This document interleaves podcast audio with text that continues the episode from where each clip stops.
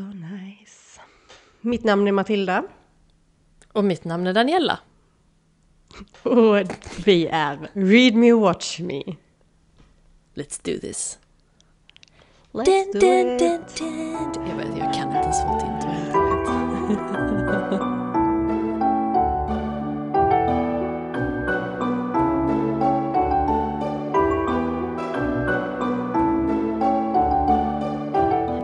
Välkomna. Välkomna. Vi har ju ett maffigt avsnitt framför oss. Eh, på en film som vi har pratat om väldigt länge om att vi ska göra. Och kände att nu är det rätt i tiden.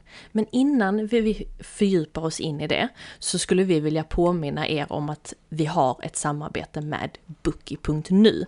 Alltså en bokprenumerationstjänst Bookie.nu tar fram de fem bästa nyheterna till dig som du får välja bland. Och när du då har valt en bok som känns mest intressant så skickar de hem den till dig helt fraktfritt. Så om du prenumererar i 6 eller 12 månader så kommer du få en bok till godo om du använder vår rabattkod. Du fyller i README med stora bokstäver och så får du då en bok till godo under din prenumerationstid. Rabattkoden gäller fram till 30 april. Mm. In och kolla bookie.nu. Ska vi köra då? Vad tycker vi? Är vi redo för detta? Det är vi. Jag är lite svettig. Du är lite svettig. Fast det, det känns som att är det någon gång det passar att vara det så är det väl inför detta avsnittet. Är det inte så? Absolut, absolut. Vi är jätteredo. Vi är redo. Jag tänker att jag eh, kör igång då. då. Och vi, detta avsnittet, vi ska ju prata om 50 shades of Grey. Och då tänkte jag att jag går igenom lite först boken, för denna finns ju i bokform och den finns som film. Vi har faktiskt både läst boken för way way back och eh, sett filmen nyligen och tidigare. Och någon gång däremellan. Men boken då, då är skriven av E.L. James. Och den är först utgiven 2011. Men den är först utgiven på svenska 2012. Och då heter den ju 50 shades of Grey. För, eh, förlåt att jag avbryter, men läste du den på svenska eller engelska första gången? Nu får jag tänka, jag tror jag har den på svenska. Mm, samma här. Jag har den på svenska Faktiskt. och resten är på engelska. Ah, jag har alla... Nej, nu ska vi se. Jag har alla 50 shades-böckerna på svenska tror jag. Sen har jag Grey-boken på engelska. Tror jag. Den har inte jag läst. Inte, den är kanske den bättre av dem. Okej. Jag vi- vet, jag är osäker på, på vilket språk Okej. faktiskt. Men i alla fall först utgiven på svenska 2012. Den har 3,66 av 5 på Goodreads. Och då är det över 2,4 miljoner röster. Alltså det är många röster. Det är jättemycket. Det är många människor som har läst den här boken. Den är 356 sidor lång på engelska och klassas som en romance, erotica, adult fiction, BDSM och chicklit. Jag håller inte med om chicklit. Varför? För chicklit känns väldigt lättsamt för mig. Är hon inte Eller- väldigt lättsam i boken? Tycker jag inte att hon är, nej. Okej. Okej. bara en person, det kan också vara för att jag då inte uppskattar chicklit som jag inte tycker att den är bara klassas som det, jag vet inte. Jag Okej, vet bara inte riktigt om jag håller med om just den, eh, just den genren. Men men, vi, vi går väl med på det då. Um, vad var det jag skulle säga? Vet du en rolig grej kring boken? Där var faktiskt ett hotell, jag vet inte vilket hotell det var, men någonstans i USA. Där ägaren av hotellet, du vet i USA är det ju vanligt det här med att bibeln ligger i sänglådan liksom, du vet, i hotellrummet. Han bytte seriöst ut bibeln mot 50 shades of Grey. Sluta! Och jag bara you go my man! Och då hade han typ sagt någonting om att eh, han eh, att han tyckte väl att eftersom det var en så stor grej just då, för detta var väl i, i hela vevan när det släpptes. Så, eh, så tyckte han att alla, eh, det var en så stor grej och alla kanske inte vågade gå liksom och, införskaffa boken själva men ändå kanske ville ta del av denna erotiska uppenbarelse typ.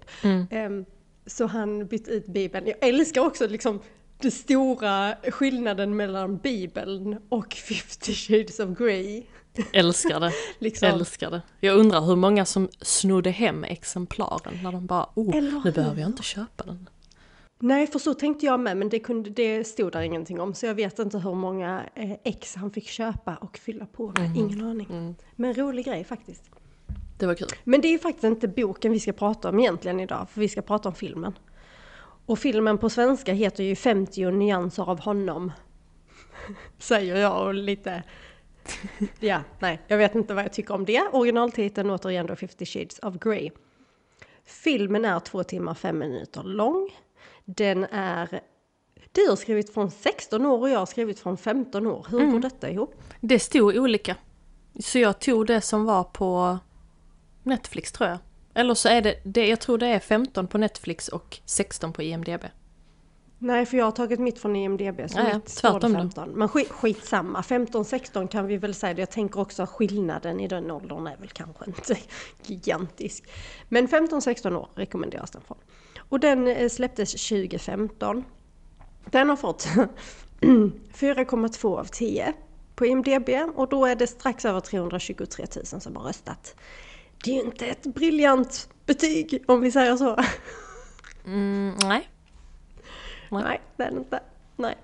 Regissören Sam Taylor Johnson. Vet du vem detta är? Ja.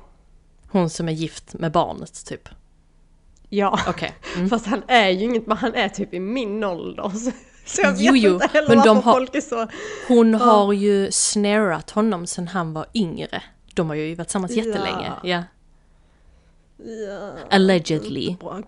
Grooming är inte okej.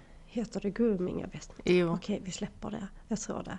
Men jag vill säga om det här med regissören också att E.L. James var ju också eh, allra högsta grad involverad i hur denna filmen skulle utspela sig.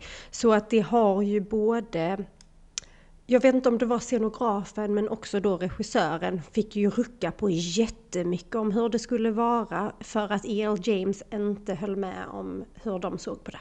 Hon ville hålla sig till boken. Liksom. Mm, mm. Det får jag nog ändå säga att som en läsare av boken tror jag nog man uppskattar det egentligen. Absolut.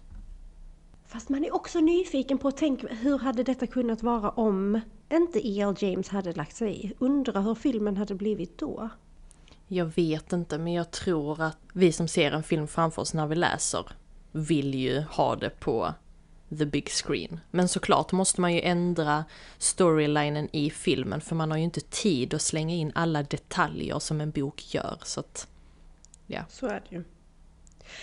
Finns det de som läser som inte ser det framför sig? Det tror jag absolut. Jo, Hur fan funkar det då? ingen aning. För då måste man ju läsa orden. Ja men också hur kommer du ihåg vad som har hänt? Jag Ja. liksom spolar ju fram och tillbaka i mitt huvud i filmen och man minns, ja men det var den scenen. Alltså, eller. Exakt. Ja, nej, jag, vi får intervjua någon en dag som inte ser scener framför sig. För det är jättemärkligt. Det är jätteskumt. Och på tal om lite samma där. Tänker du i en röst? Ja. Jag tänker i min det egen finns de röst, som inte gör det. Hur tänker man det då? finns de som inte... Jag vet inte! Det finns de som inte tänker, alltså de hör ingen röst. Nu låter detta sjukt skumt, jag fattar det. Röster i huvudet. Men jo, mina tankar är också en röst. Som är min egen röst. Och vissa har inte sin egen röst, för vissa har en annan röst. För jag vet inte vad det är för en röst, men en annan. Och vissa tänker inte i någon röst alls. Det finns ju skillnader också när man tänker en sak. Om man tänker ett äpple så ser man ett äpple framför sig, men vissa ser det inte framför sig. Va? Ja. Vi, Va hur, vad ser de då? Jag vet inte. Ett päron. Jag, vet, jag har ingen aning. Åh, vad upprörande! Det är jättekonstigt att det finns sådana människor. Vad roligt, vad spännande! Men nu spårade vi ur totalt här, men sjukt spännande. På tal om att inte se framför sig vad som händer i boken när du läser den. Nu kommer vi in på det jag tycker är roligt i min del innan vi ska köra igång med vad som händer i filmen. Alltså vi måste prata lite om castingen. För vi har Dakota Johnson som Anastasia Steele. Inom parentes Bella. Jamie Dornan som Christian Grey, inom parentes Edward. Vi har Victor Ras Rasuk, tror jag, som José, inom parentes Jacob Black. Vi har Eloise Mumford som Kate, inom parentes Rosalie. Vi har Luke Grimes som Elliot Gray, inom parentes Emmet. Vi har också Rita Ora som Mia Gray, inom parentes Alice. Sen har vi också Max Martin som spelar Taylor och han har ingen parentes, utan han är vad han är. Det, där är fler, där är fler stora namn, men det var dessa jag tog för jag tänkte de är de mest relevanta i denna filmen i alla fall. Synopsisen. Detta är vad som står på Netflix. Ja. Så vad som står där är då affärsmannen Christian Grey förför den naiva studenten Anastasia Steele och tar hjälp av henne för att förverkliga sina intensiva erotiska fantasier. Ooh. Spicy. Um, ja, väldigt. Budgeten för denna filmen var cirka 40 miljoner dollar. Alltså det är sjukt att det går så mycket pengar åt sånt här, men okej. Okay. Mm. Den drog också in 85 miljoner 171 450 dollar på premiärhelgen i enbart USA och Kanada. Mm. Damn! Mm. Mm. Undrar mm. vad som kostade mest. Att det var nog glidflygplanet och helikoptern typ. Ja men eller hur? Eller lekrummet kostade 10 miljoner dollar. Där är ju vissa sån lite intressant trivia. De, det är ju samma så här Christians Christians Grey var det. Christian Greys lägenhet, det är ju en scen som är helt uppbyggd eh, på ett ställe liksom. Ja. Så att den är helt byggd med Seattle-siluetten utanför, komplett liksom. Så att eh, det, det är ju nog inte heller så billigt. Då dyker vi in. Vi dyker in vi flyger över en stad som är Seattle. I put a spell on you. Ni, ni, ni, ni, ni. Jag kan inte melodin på den heller. Nej. Så vi flyger över Seattle. Man ser en stor byggnad där det står Escala längst upp. Man ser hur en man knyter skorna i sin väldigt lyxiga lägenhet för att förbereda sig själv inför en liten springtur. Här är vädret jävligt glåmigt och ganska grått. Och jag har förstått att Seattle är så. Jävligt trist stad. När han har sprungit färdigt sin springrunda så förbereder då vad vi antar är den rika mannen. Han har en vit krispig skjorta, han fixar till sina manschettknappar runt handlederna. Och sen så drar han ut en låda med gråa slipsar. Och så ser man då hur han knyter en av dem runt halsen. Skulle man kunna säga att det är 50 olika gråa slipsar? I olika nyanser. Oj! Oj! Är det inte det så blir jag jävligt besviken. Jag hoppas det. Jag har inte räknat dem, men jag hoppas det. Nästa scen så ser man en ung kvinna gåendes i en korridor, vad vi, vad vi, det ser ut som ett universitet. Så hon är på väg ut i det här lika glåmiga vädret, så man får ju lite anta att hon antingen är i samma stad eller i närheten kanske. Hon är på väg mot sin ljusblåa lilla bubbla till bil. Eh, medan då man klipper till när den här rika mannen har en chaufför i en riktigt lyxig bil. Hade inte kunnat nämna vilket märke på bilen det är, men den är svart. Så nu är kvinnan hemma, hon gör sig i ordning. Hon har brunt, axellångt hår med lung. Lung? Hon har en lång... Med lung. Lung? Lung? Vadå lung? Hon har axellångt hår med lugg. Den här luggen är, för min smak, någon millimeter för kort. Hennes stil överlag är ganska tantig. Alltså hon har en vit eh, jätteblommig skjorta och sen så har hon en mörkblå grön kofta och en matchande kjol.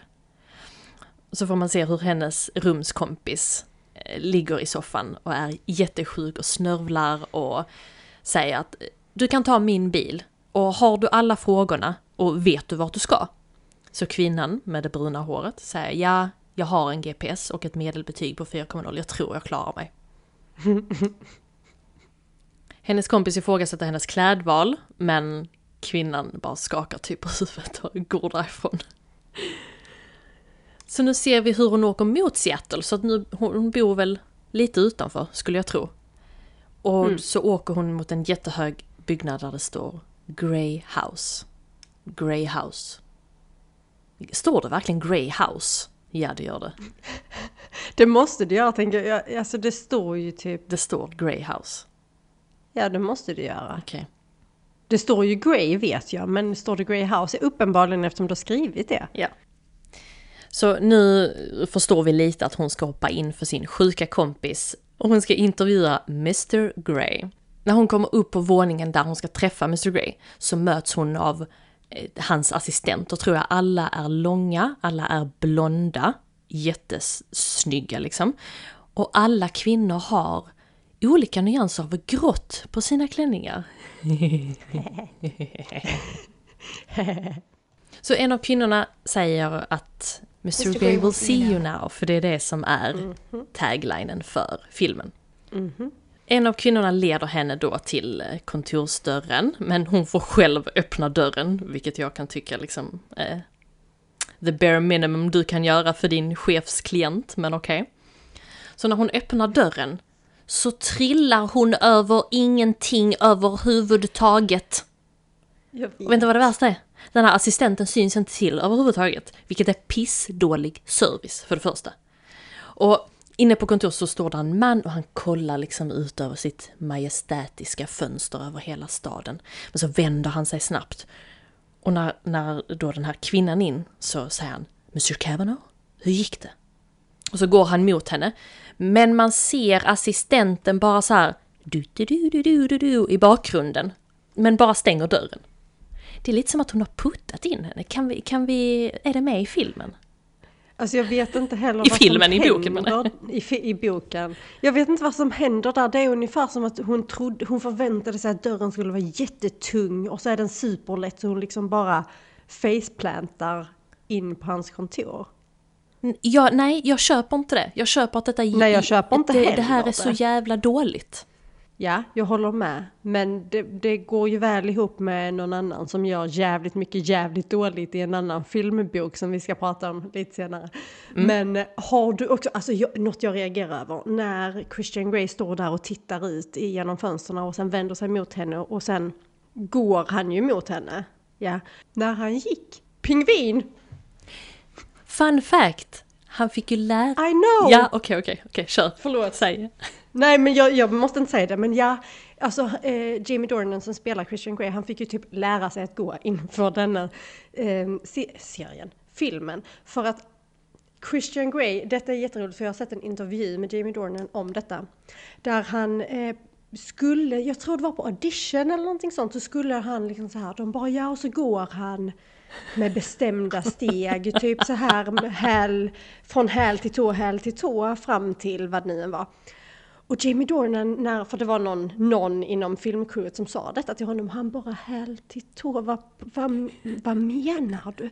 Och då fick han, alltså för att Jamie Dornan går naturligt på tårna.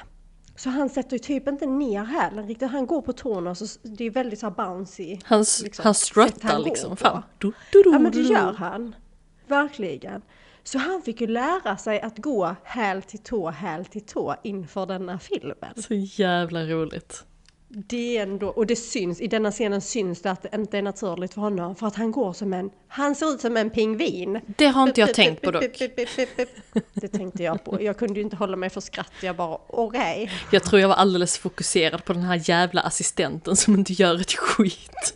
Ja för henne reagerade inte jag. Jag bara, jag bara vadå? Var hon inte där och sen är hon Jo, där och sen bara stänger Hon hon, dörren Hon bara stod så.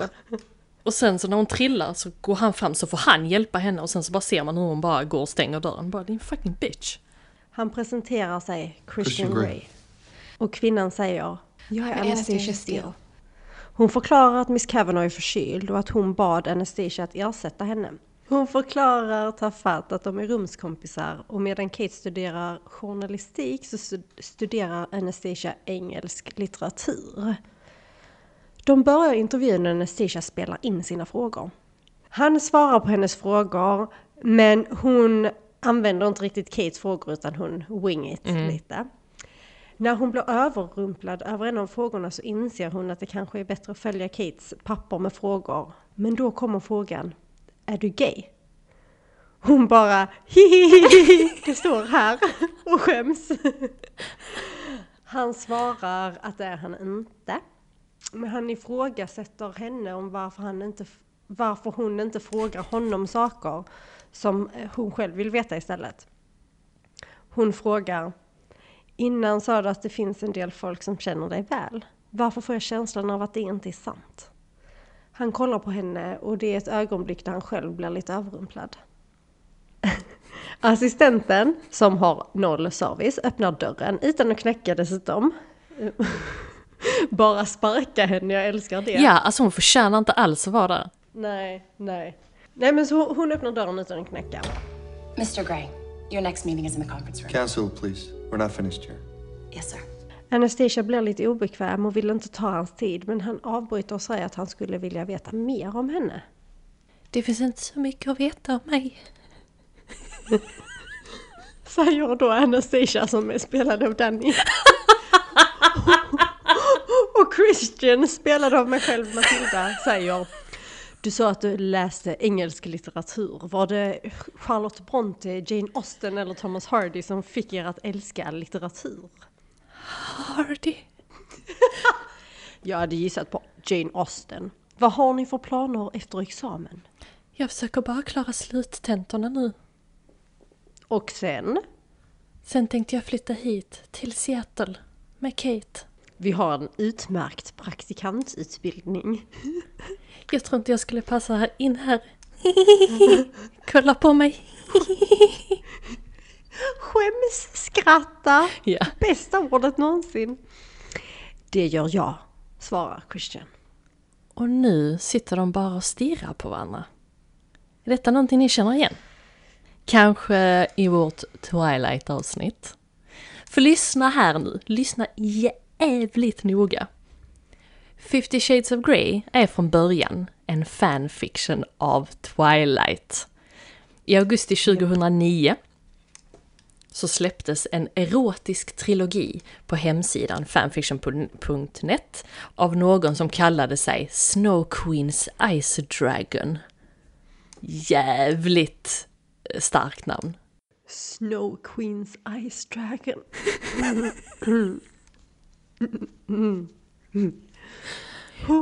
Och på, okay. på den här hemsidan så hette den Masters of the Universe och så här lät synopsisen för den här trilogin. Bella Swan is drafted in to interview the reclusive, enigmatic Edward Cullen, multimillionaire CEO of his company. It's an encounter that will change her life irrevocably, leading her to dark realms of desire. Så detta ska egentligen föreställa Bella Swan när hon intervjuar Edward Cullen, vampyren, CEO Multimillionaire. Så under filmens gång så kommer vi dra en del liknelser som jag troligtvis, eller jag hoppas på att ni inte har tänkt på innan. För jag vet att Matilda, du har inte tänkt på det så mycket. Nej, Nej, och jag försökte nu när jag tittade på den här, alltså i förrgår eller vad det var. Nej, igår tror jag jag såg den till och med. Så tänkte jag, okej okay, nu ska jag gå in i mindsetet att detta är Twilight. Nej. Var det svårt? Alltså jag kan se karaktärerna. Ja, jag tycker det är skitsvårt. Jag kan förstå det ur ett...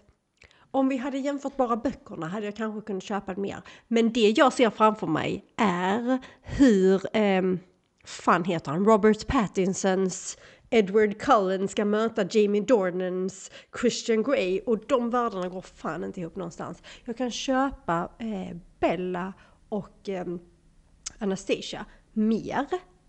Men nej, Alltså, jag kan, nej. Jag ser bara, skulle jag försöka sätta in Robert... Robert? Robert, Robert Pattinson? Robert Pattinson i denna scen, nej alltså förlåt, men jag ka- kan ju nästan inte se filmen om jag ska ens tänka i de banorna. Jag ser ju bara Twilight när jag ser 50 Shades. Åh fy, fy fan, hur kan du titta på den? Jag mådde ju fysiskt dåligt. Nej men Ja, nej, det. det var jävligt kul. Men vi, vi kommer gå igenom eh, under, fil, under eh, avsnittets gång vilka liknelser det faktiskt finns mer än bara huvudkaraktärernas eh, eh, personlighetsdrag. För de kan, alltså de kan jag se, men jag har så svårt att koppla samman skådespeleriinsatsen från de olika filmerna. Nej, Jag förstår. mina hjärnhalvor samarbetar inte då. Nej. Nej. När intervjun är klar så följer Christian Anastasia till hissen. Hissen öppnar sig och när Anastasia kollar bak så tar Christian ett papper som liksom sticker upp ur hennes skrivbok. Utan att hon märker det såklart. Eh, när hon går in så stirrar han på henne och säger Anastasia. Hon svarar Christian medan hissdörrarna stängs. Väldigt dramatiskt. Här kan vi ju dra in lite liknelser mellan Bella och Anastasia. Båda är brunetter. Ja, De biter sina läppar hela tiden. ja, Eh, båda har väldigt dålig balans. Så de, återigen. Ja. ja, de trillar hela tiden. Och sen har de då en manlig karaktär som är väldigt överbeskyddande över dem. Och det är detta jag menar, de, de liknelserna är ju väldigt tydliga att se. Alltså om man ska se karaktärsdragen så är det väldigt lätt att se. När Anastasia kommer hem så sitter Kate redan vid datorn och bara Du är perfekt! Han mejlade precis svaren till alla frågor. Och Kate frågar ut henne om honom men hon köper inte riktigt Anastasias eh, dåliga förklaring om Christian. Anastasia går för att göra en smörgås medan de pratar om honom. För Kate tror inte riktigt att, eh, på det här att Anastasia försöker förklara att hon inte är tänd på honom. Liksom att hon inte alls ser attraktionen. Men eh, Kate köper inte riktigt det där va. Anastasia bara himlar med ögonen när Kate tar, kommer och tar hennes smörgås. Har du sett hur den ser ut? Har du sett hur Smörgåsen? ser ut?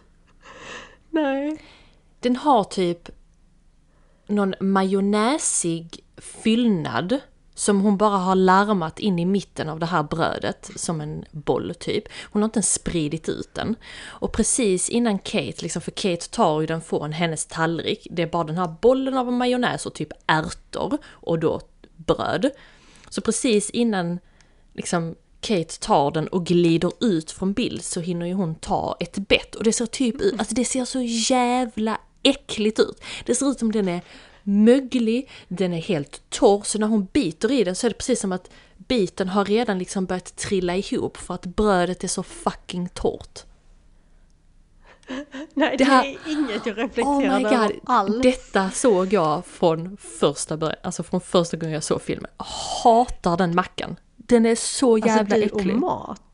Detta, nu är vi tillbaka på Twilight, Twilight, igen med de här exakt. jävla bananerna som var utmosade och äggen i plastpåsen. Och- Detta är typ, Klumpen av godaost.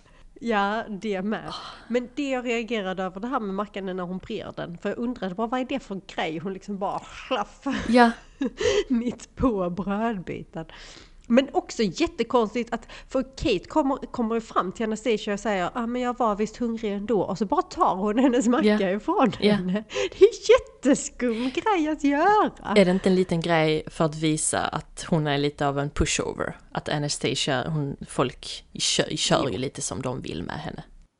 Säkert, men det är ändå en jättekonstig grej att göra. Man gör inte så mot andra människor. Jag menar, du och jag känner varandra väldigt väl. Jag skulle inte gå fram, om du har frågat mig om jag vill ha en macka, jag säger nej. Sen går du och brer en macka till dig själv, då går inte jag fram till dig och säger jag vill visst ha en macka och tar din macka. Nej, du hade inte fått min fucking torra majonnäsmacka. Nej, du förstår ju att jag inte hade fått, jag hade aldrig betett mig på det viset. Det är dåligt Kate, okej? Det är dåligt. Så efter några dagar så är Anastasia på väg till sin bil efter en lektion och möter då upp sin kompis Jose, som vi får se för första gången. Han säger att Portland Place ska ställa ut hans fotografier nästa månad och Anna blir jätteglad för honom och säger att de, de får fira lite sen men hon är lite sen till jobbet så hon måste sticka. Och man ser liksom i Joses ögon att eh, han kanske bryr sig om henne lite mer än en vän. Och detta är ju vad vi tror är Jacob Black i Twilight. Alltså den mörkhåriga kompisen som faller för sin kompis. Exactly. Så Anastasia är på jobbet och hon jobbar på Claytons som är en järnhandelsbutik. Och surprise, surprise, i böckerna i Twilight så jobbar ju Bella i en järnhandel som ägs utav hennes kompis Mike, alltså den här blonda killen i Twilight-filmerna. Oh, det hade jag glömt. Mm. Så hon, i böckerna så jobbar ju hon i järnhandeln extra. Och Mike är ju hennes arbetskollega. Just för att hans det. föräldrar äger den här järnhallen. Så står hon och fyller på varor, eh, och typ spikar och lite sådana grejer upp på hyllorna. Så får hon ett samtal av sin mamma. Mom, I'm at work. Can I call you back? Oh, no, wait, wait, wait. I called for a reason. Hennes mamma förklarar att Bob, som är hennes man, har brutit foten när han spelade golf. Wait, wait, wait, wait. Hur lyckas man? Jag vill bara att vi tar en minut för Bob. För hur fucking dum han är som bryter foten. Eller benet, tror jag till och med de säger. Benet, när han spelar golf. Men hur? När du spelar golf? Jag vet inte, någon måste ha larmat en järntrea rakt på hans... Så. Och bara... Jag tror också det. Haha! Så, så mamman säger att "Åh, vi kan inte komma på din examen för Bob har brutit foten. Det är det sjukaste. Stopp nu. Du kan inte komma på min examen för att din man har, har varit korkad och brutit foten. Men där finns kryckor. Där är plan. Han är inte, han är inte helt... Eh, ja. Han är inte döende. Nej, nej, nej. Och då drar vi en till liknelse. I filmen Eclipse Twilight så bryter hennes mammas man sitt lårben och därför kan ju inte de komma på hennes examen heller. Minns du det? Nej, det minns jag inte, men det där är ju ändå lite mer legitimt för lårbenet är ganska brutalt att bryta, tänker jag. Men ändå konstigt, varför kan inte mammorna dyka upp Nej. på deras döttrars examen bara för att deras jävla män inte kan hålla sina ben hela? Det är ju också en sån grej. Där är mammorna likadana. De har varit väldigt absent, de har gift om sig, de har gått vidare. Papporna har inte gjort det, utan de är de här snälla papporna som de sen har åkt för att bo med. I båda historierna liksom. Så Anastasia frågar om hon inte bara kan lämna honom hemma själv. Men mamman skojar om att han inte kan ta hand om sig själv. Och såklart blir ju Anna besviken. Och så, ja, Ja. de lägger på, för vad ska hon göra? Och här tror jag är en blue, eller blooper skulle jag inte vilja säga att det är, men det är någonting som händer här som klipparna uppenbarligen inte har märkt. För att när de lägger på så är kameran på Anastasia. Så hon stänger sin flipphone, flipphone, flipphone. Och så hör man hur någon säger Anna. Och detta är så uppenbart Christian Greys röst. Det är brutalt vad det är hans röst. Anna? Jag, reager, jag reagerade också på att jag bara, men det var ju Christian. Ja. Och sen så bara vändes kameran och så är det Mike fast i denna världens... Exakt. Jag vet inte vad han heter. Så kameran klipper till hennes då arbetskollega som frågar om hon kan hjälpa honom med någonting. Och man hör att det inte är samma röst. Did you give me a handout back? För att när jag hörde rösten, när han säger Anna, så tänkte jag så åh nu står Christian där. För man vet ju att han, spoiler, Ja, han eller dyker hur? ju upp i järnhandeln. Så man tänker att, åh, Ja. nu kommer han. Och så bara byter de, så står den blonda snubben där och bara, kan du hjälpa mig med grejer? Man bara, va? va? Du, det var inte Ja. du som pratade precis. Det tyckte jag var så jä- det har jag aldrig hört innan. Nej, jag har inte heller reagerat på det, men jag gjorde det denna gången. Jättekonstigt. Så hon hjälper i alla fall sin Christian Grey, not Christian Grey kollega. Och det, det är ju den här kollegan som då hade varit Mike Newton i Twilight. Så, så ska hon liksom följa honom och så går hon förbi en rad utav varor och sen så där står Christian och bara ler typ. I thought it was you. What the? What a pleasant surprise, Miss Steele. Just Anna. Just Anna. You're in here. I was in the area in business. Needed to pick up a few things. Are you free? Och hon bara st- stannar till och bara...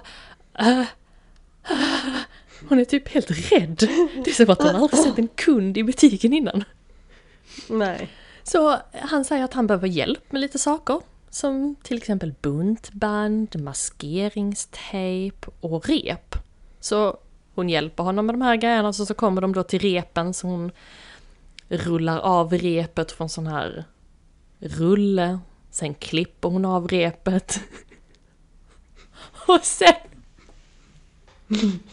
Sen så säger han Det var imponerande, är du flickscout? Jag, jag förstår att detta låter jättekonstigt men vet du vad jag tror det är som egentligen händer men som inte är övertydligt i denna scenen? Nej. Det är att hon har fått ett mått, alltså han har ju velat köpa en viss längd rep. Och det hon gör är att hon måttar det. Och det gör hon genom att göra en viss sån här längd med händerna. Och det är det han tycker är imponerande, att hon kan göra det utan att ta fram någonting och mäta det med. Det, Så kommer inte själva riktigt... att hon kan ta rep. Nej, jag förstår det. Men, men det är det som han anser vara imponerande. Inte själva grejen att hon kan ta rep och klippa av det och ge till honom. Utan det är att hon måttar det med ögonmåttat liksom. Ja, Och okej. räknar. Ja. Det är det som är imponerande och det är därför han undrar om hon är flickscout. Det lät mycket mer rimligt än att hon bara klippte av ett rep liksom. Ja, det är ju inte Twilight, för hade det varit Twilight så hade det varit det som var imponerande. 100 procent. Så när hon är klar så frågar han om hon kan rekommendera någonting för en hemmafixare. Hon säger ja, overall för att skydda sina kläder. Och så säger han, eller så behöver jag inte ta på mig kläder och kollar lite, lite halv freaky på henne typ. Och hon är ju helt tafatt och bara så här. Hon säger typ någonting, jag vet inte. Men hon Ja, men viskar hon, hon säger, ja men hon säger typ så här. Okej, no clothes it is. Och sen bara, eh, no coveralls I mean. Just det, ja, ja, ja. ja, ja. Jag tyckte bara hon flämtade Ja, ja. fram allt typ. Ja men det gör hon, är verkligen tar fatt. På det sättet är hon extremt lik Bella. Men vet också en rolig, här är lite rolig trivia kring det här med repförsäljning och hur det ökar efter att den här filmen hade släppts. Nej det är faktiskt sant. Jag vet inte riktigt var jag läste det och jag vet inte vilken butik de hade märkt en märkbar höjning av repförsäljning. Men What? då var det många kvinnor som hade kommit och frågat efter mjukt bomullsrep.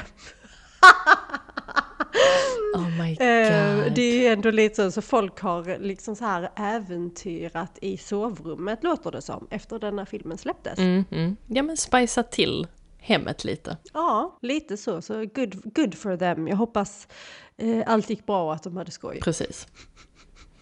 När hon har packat färdigt alla hans saker, han har typ tre grejer, så småsnackar de lite om att Kate inte riktigt har ett originalfoto på honom då som ska publiceras med den här intervjun. Så säger han att han är ledig dagen efter om, om hon vill ha det. Innan Anna hinner svara så kommer Paul, då den här eh, arbetskollegan, och tar, Mike, lägger liksom. liksom händerna på hennes axlar och bara Kan jag hjälpa dig Anna? För det första, Mike, Mike Paul, dude, ta inte på henne, okej? Två, Nej. hon har redan packat klart de här tre grejerna i den här papperspåsen, är ginormous pa- papperspåsen. Han har liksom inte handlat en handtruck. Båda männen möter liksom varandras blickar och så går liksom Paul därifrån. Och Christian ger då sitt visitkort till henne så att hon kan nå honom om Kate vill ha foten på honom och sen så sprintar han iväg till sin lilla chaufför.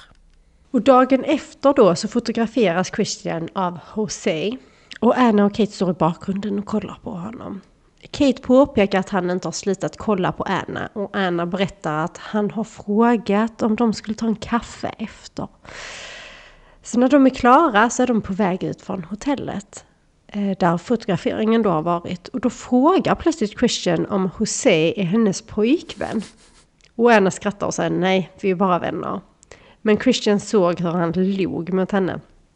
Också ungefär som det skulle betyda allting. Inte för att vara sån, men jag menar dude.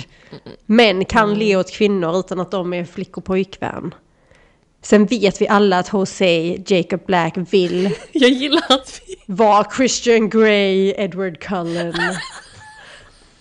Alltså jag fucking älskar det! Det kommer bli en sån mix av namn i detta avsnittet. ja, ja. I vissa fall, alltså, Till slut ja. kommer det bara sluta med att vi Så- drar hela Twilight-filmen igen. Det kommer typ bli det, det är där vi kommer hamna.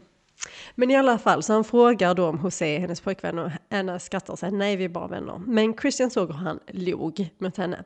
När hon säger att han är som en familjemedlem så ifrågasätter han om Paul då, Mike, hennes arbetskollega, om han är hennes pojkvän. Det är också en sån grej som alla dudes i hennes närhet vill inte, eller jo, i detta, I detta fallet vill de ju ju det. Men ändå! Men Christian, han har fel. frick off! Han har, man kan inte ta för givet, okej? Men han har rätt. Både Mike och Paul vill också vara Christian slash Edward. Klart. Christian Edward. Och ni sitter... Christian Edward, Edward Christian, jag vet inte. Nu sitter de i alla fall på ett café och han häller upp en kopp te till henne. Han säger att hon verkar vara nervös och hon svarar att han är skrämmande. Han, pill, alltså han tar upp muffinsen som är typ på hennes sida av bordet eller vad man ska säga. Han tar upp muffinsen, pillrar bort lite av pappret och sen sätter han ner den på hennes tallrik igen. Det är också lite skumt kan jag tycka. Och så säger han ät. Okej. De småpratar lite om hennes familj och när hon försöker styra in ämnet på att fotograferingen gick bra och att Kate verkade nöjd så avbryter han henne och säger Jag är ledsen, jag kan inte. Jag måste också poängtera här. De har typ inte tagit en enda klunk av sitt kaffe, te eller eh, bit av muffins än. Och han säger redan nu, jag är ledsen, jag kan inte. Hon undrar vad han menar och han säger att han ska följa henne ut. När de går ut på gatan så frågar hon om det är för att han har en flickvän. Han säger att han inte gör flickvänsgrejen, men rör inte läpparna Nej, överhuvudtaget. detta måste varit en voiceover för han rörde inte läpparna överhuvudtaget. Det reagerade inte jag på alls. Däremot reagerar jag på att han gör någon sån här, inte konstig min, men han gör någon sån här min där han typ så här snörper ihop munnen jätteofta i filmen. Ja, Jaha. Det, det ja han gör jag. och jag bara, hmm, aldrig tänkt på Alltså innan. så som en puss, eller hur? Nej men han liksom, tänk dig som att du, du håller på att börja le jättestort och så vill du inte det så du bara typ Spänner trycker dem? ihop läpparna. Lite, lite så Okej. är det, där man bara, vad betyder Ja, vad gör du? Vad försöker du förmedla? Ehm, ja, på tal om hans läppar då, då. Men ja. Han rör inte läpparna när han säger det i alla fall. Plötsligt så hör man hur en cykel plingar på ringklockan och Anastasia inser inte att hon nästan håller på att bli påkörd. Så Christian tar tag i henne och drar henne till sig. Och de stirrar på varandra. Och när han tar sin hand mot hennes kind så litar hon sig på handen och blundar. Det är typ som en katt som blir klappad. Alltså jag lovar och Det svär. är tredje gången de träffas. Jag vet, jag vet inte heller. Ja. Han säger att han inte är rätt man för henne. Och att hon borde hålla sig borta från honom. Jag älskar att han säger det efter att han har bjudit ut henne på kaffe. Han är en riktigt förvirrad person. Ja, verkligen. Hon blir i alla fall tårögd. Och säger Goodbye Mr Grey. Ja. Han betalar i alla fall för Verkligen. fikat. Ja, det hoppas jag verkligen. Inte för att alla män ska betala, men jag tänker om han är mångmiljonär och hon jobbar i en järnaffär så känns det väl inte mer än rimligt. Dessutom bjöd han ut henne på Det kaffe. är det jag också Då tänker. tycker jag nästan också att det, det är han som betalar i sådana fall. Väl hemma i lägenheten så förbereder tjejerna sig för en utekväll och Kate hjälper Anna att ta på sig läppglans. Och så, liksom, så hon bara så smudgar på det. Och hon bara No Kate, it's too much. Man bara det är läppglans.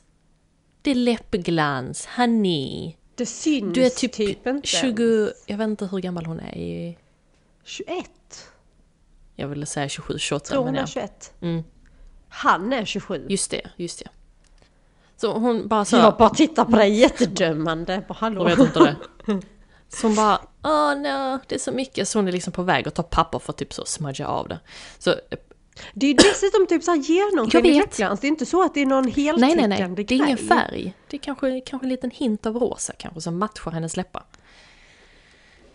Plötsligt så ringer det på dörren så Kate eh, sticker och öppnar och säger att ja, taxin är tidig. Men när hon öppnar så är det ett paket till Anna som hon då tror är från Christian. Och det är de ehm, tre, tre eller fyra böcker, de första utgåvorna och av Tess av Duberville. Ingen aning om hur det uttalas. Men en eh, klassisk bok skulle jag tro. Så hon blir lite så, oh my god, varför har man gett mig det? Uh-huh. Och sen så sveper hon liksom det sista av sin drink och, och så sticker de iväg till nattklubben.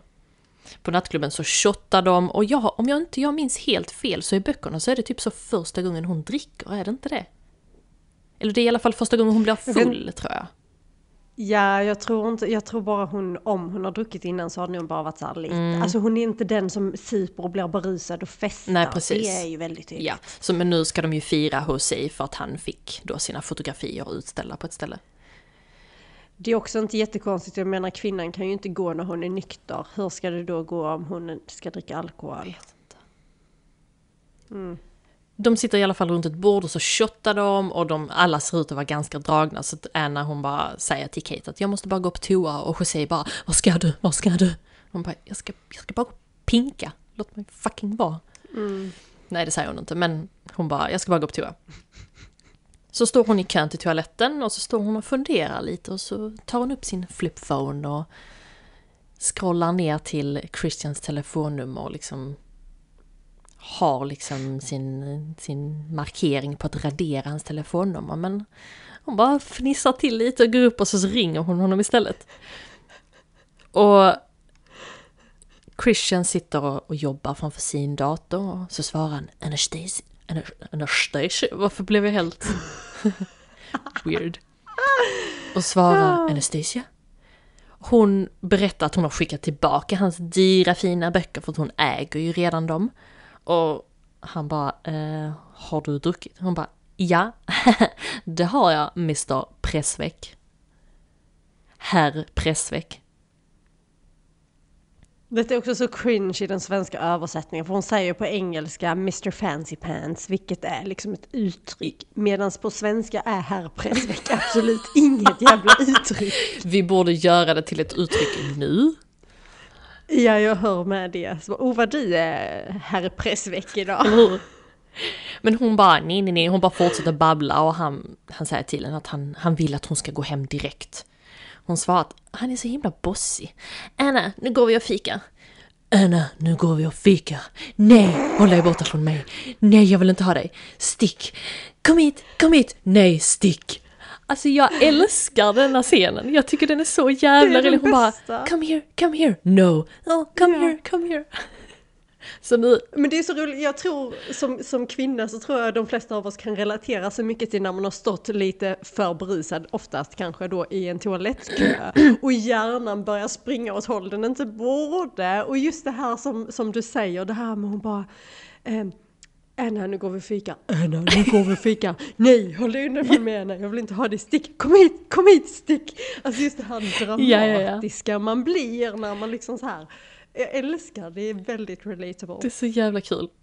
Så nu blir ju herr Pressveck irriterad och vill, vill att hon ska berätta vilken bar hon är på men hon undviker ju frågan och bara så nu måste jag gå och så stänger hon liksom igen flipptelefonen. Eh, och det är så kul för att hon säger ju typ till tjejen bredvid som också står med sin telefon och bara eh, I got him there eller någonting liknande och tjejen bara va? Ja. Det är också så, Hon är så nöjd. ja, vilket hon borde vara. Yes. Eh, plötsligt så, så ringer han upp henne. Så hon, hon svarar liksom och ska be om ursäkt. Men han hinner avbryta henne och bara stanna där du är, jag kommer och hämtar dig. Och hon blir jättechockad och sen så bara lägger han på. Och hon bara så, "Åh, okej, ja ja. Det, det var det liksom. När hon förhoppningsvis efter hon har varit på toa så går hon ut för att ta lite luft och det är lite kyligt ute och så, så kommer Jacob, eller Jose, jag menar Jose. Och så ger han henne hennes jacka och försöker värma henne med en kram och hon vill liksom inte riktigt. Hon bara, nej, ja, tack men jag behöver liksom inte. Och han bara, jag vet inte när jag skulle ha modet att göra det här. Och så kollar han på henne. Och han, och han säger att han gillar henne och hon bara, oh no, no. Och sen så säger han, please. Han bara, please Anna, just a kiss. Som att liksom det skulle göra saken bättre. Och hon bara såhär, no, no, no, no. Och han, han köper inte detta överhuvudtaget. Nej. Och precis innan deras läppar ska mötas så kommer Mr Pressvex Grey och bara PA! Dude, she said no! Och Anna, Anna blir ju jätteförvånad och... och det, Bara hel, hela denna scenen och dessutom att du lägger in Mr Pressvex Grey. här blir Anna lika förvånad som José och bara så och bara kaskadspyr på Christians skor. Och José springer liksom in till klubben och bara. Och Christian håller bak hennes hår och ger henne näs, näsduk att torka sig med. Och detta är så jävla ball. För hon står liksom Ja. med den här näsduken och bara så mm, Nice initials eller något så här nice någonting för den är väl en så här handmade. Nice touch, alltså det- ja. Och hon bara, Exakt, det är en sån här tyg, tygnäsduk med hans initialer på. precis. Liksom. Och hon bara I will launder this item. Detta är, detta är så klockrent. Jag älskar också den I will launder this Men item. jag tycker detta är så klockrent eh, Dakota Jones, J- Jones, Johnson. Alltså hon är ju Mm. det här, hon är ju det beteendet typ. Hon är lite så halv quirky och rolig liksom. Christian vill köra hem henne och säger att Elliot kan berätta för Kate att de har åkt. Och hon undrar vem Elliot är och han berättar att det, det är hans bror. Och så får man se då inne på klubben, klubben Inne på klubben så pratar, a.k.a. snuskdansar, Kate och Elliot där inne. Dagen efter på The Heathman Hotel så vaknar Anna upp i andra kläder. Hon är lagom förvirrad över vart hon är och plötsligt kommer en svettig Christian in och hon börjar försiktigt fråga honom om vem som bytte hennes kläder. Var han sov och ifall de låg med varandra. Christian svarar att nekrofili inte är hans grej. Um, han ger henne rost, eh, rostat bröd och säger att han gillar att testa gränser men att hon utsatte sig själv för fara kvällen innan. Han tittar intensivt på henne, tar av sig sin svettiga t-shirt och säger Om du var min skulle du inte kunna sitta på en vecka. Alltså det är också lite så, man bara, vem fan? Dude! Limits! Också, vad är detta? Fjärde gången de har setts. Också att han inte körde hem henne, hem till sig själv, alltså till henne. Utan han tog med henne hem till sitt hotell. Han förklarar ju sen varför. Mm. Ja, okej, men ändå. Han har fel. Om du var min skulle du inte kunna sitta på en vecka, så som de flesta män säger när de vill få sin vilja igenom eller något. Och ställer sig på alla fyra i sängen framför henne. Han tar en bit av hennes bröd. Alltså, Det här brödet ser ju betydligt mer moist ut än hennes macka i lägenheten. Ja. Ja, det är ju freshly toasted i alla fall liksom. Men det är också en konstig scen när han liksom kryper fram till henne och bara biter en bit av hennes macka innan han säger att han måste gå och duscha. Vad är det med folk och, och mackor Va? i denna filmen? Ja, mackor är jättegott. Ja, men också varför gör de konstiga mackor? Varför händer det konstiga saker när mackor är involverade? Jag vet inte. E.L. James Inte gillar jag mackor. heller, det känns som eh, uppenbarligen. Uppenbarligen. Han säger att han måste gå in och duscha. Hon frågar vad hon ens gör där. Och han svarar att hon är där för att han inte är kapabel till att lämna henne ensam. Hej Edward. Why am I here, Christian? You're here because I'm incapable of leaving you alone. Then don't. Han säger att han inte sysslar med romantik. Hans smak är väldigt egen. Hon skulle inte förstå. Hon säger förklara för mig då. Och det, det enda jag kan tänka på att hennes mun är typ som en spirostad brödmun. Alltså hon har ju kräkt kvällen innan, han har troligtvis inte borstat hennes tänder. Och liksom så är de så nära och jag bara känner, åh snälla bara gå, skölj munnen, bara gå, skölj munnen, bara gå, skölj Ja fast i, detta, i denna scenen är de ju jättenära på att Ja. kyssa varandra innan han liksom... Ja, ja, ja, ja, ja. Ja, de gör Gå. ju thankfully inte det. Nej de gör inte det för han tar ett bett av hennes macka istället som man gör uppenbarligen. Man bara tar grejer som är hennes. När hon har duschat och bytt om till nya kläder och förhoppningsvis borstat tänderna så frågar han vad hon gör senare. Hon säger att hon jobbar i järnhandeln till 19 och han säger då att han ska hämta upp henne. Hon ler lite och biter sig underläppen medan hon tittar ner. Han går fram till henne, smeker tummen på hennes underläpp och säger jag skulle vilja bita i den läppen. Alltså detta är så cringe! Detta är så cringe! Vad har du skrivit att detta händer i filmen? De kunde bara tagit bort detta. Hon svarar att hon också skulle vilja det. Men sen säger Christian något som får henne förvirrad. Jag kommer inte röra dig. Inte förrän jag har ditt skriftliga samtycke. Alltså om någon typ säger att de ska ha ditt skriftliga samtycke innan de kan pussa dig. Så träffa inte dem något mer. Det är ju trevligt att han ber om samtycke. Men... Det är jättebra. Samtycke är A och O. Det är inte det jag säger. Men skriftligt samtycke. Nu får jag dock erkänna, jag vet inte hur BDSM-världen funkar.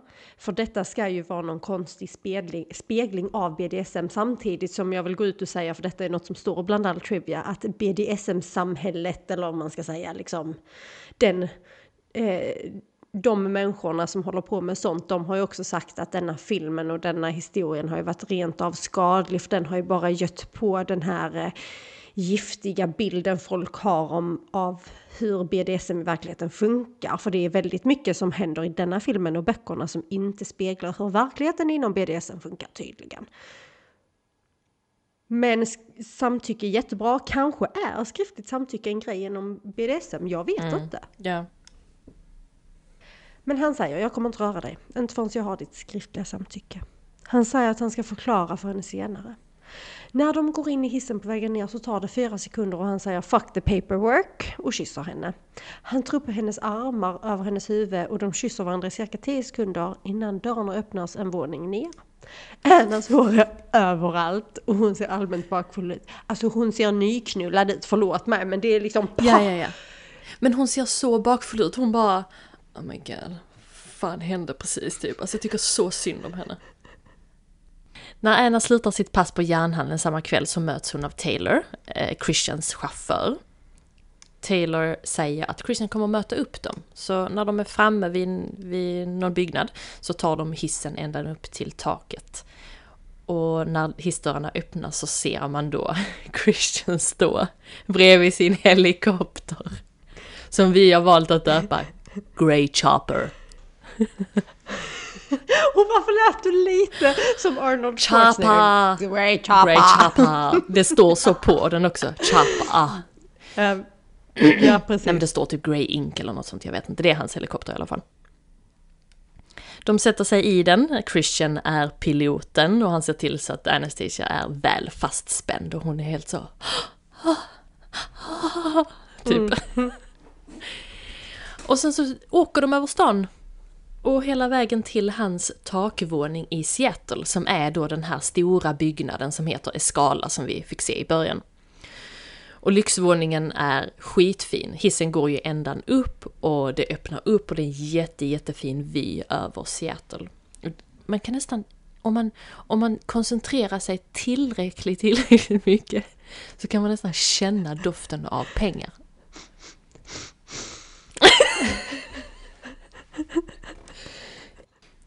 Så de sätter sig vid hans matbord, han häller upp lite vin, där är eh, en penna och ett papper. Hon frågar vad det är för något och han säger att det är ett sekretessavtal. Som säger att hon inte får prata om dem med någon annan. Och alltså, jag tror inte det... Eller det hade inte förvånat mig om det faktiskt är sånt när det gäller rika människor. För nu handlar det ju inte riktigt om den här BDSM-grejen, utan nu är det mer typ att hon inte får prata om någon annan. Som jag har förstått det som. Nej men så är det ju, det är non-disclosure agreement eller vad det heter. Exakt. Eh, det tror jag definitivt är. Jag kan tänka mig kända människor och sånt som, som eh, Alltså för att annars hade vem som helst kunnat gå och läcka vilken information som helst så fort man är oense med någon. Precis. Så att jag tror det har med det att göra. Hon säger att hon aldrig skulle prata om honom med någon och så skriver hon på det. Och sen så kollar hon på honom och frågar om han ska älska med henne nu.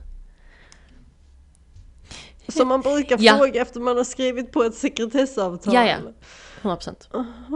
Så han ler och så lutar han sig mot henne och säger för det första. Nej, alltså jag kan inte säga det. Nej, jag, jag är glad att du tar det för jag kan inte. Jag kan genuint inte. Two things. First, I don't make love. I fuck. Hard. Alltså för fan, förlåt men det är så... Ja, jag Ah, vet. Så jag cringe. vet. Anna skrattar till och frågar vad den andra saken är. Och han säger ingenting men han sträcker ut sin hand och så säger han kom. Så går de ner för en korridor och så stannar de utanför en dörr och så säger han att detta är hans lekrum. Och Anna svarar Where you have your Xbox and stuff. Nej, inte riktigt så hillbilly men där. Jag älskar att hon blir southern. Where you have your Xbox and It's your stuff. Playstation 1! Där du har din Xbox och sånt. Och han rör inte en min. Alltså jag hade, ja, han har ingen humor. Vad är det med denna mannen som, Nej. som hon känner att hon vill vara med? Han har ju inte humor. Han fortsätter. Nej, det har han inte. Du ska veta att du kan gå när du vill. Jag menar det jag säger. Helikoptern är redo att åka vart du än vill åka. Säger, vänta nu, säger han verkligen det? Ja, men i olika etapper. Alltså, det gör han han säger ju ju. inte alltid ett. Ja. Nej, för jag tänker direkt att hon inte bara tog så här, oh nice, och så går hon upp, tar helikoptern och, tycker, och, och åker till Ja, Bahamas eller någonting hur? Och stannar bara Taylor, veckor." häng med här. Kan du bara... Ja.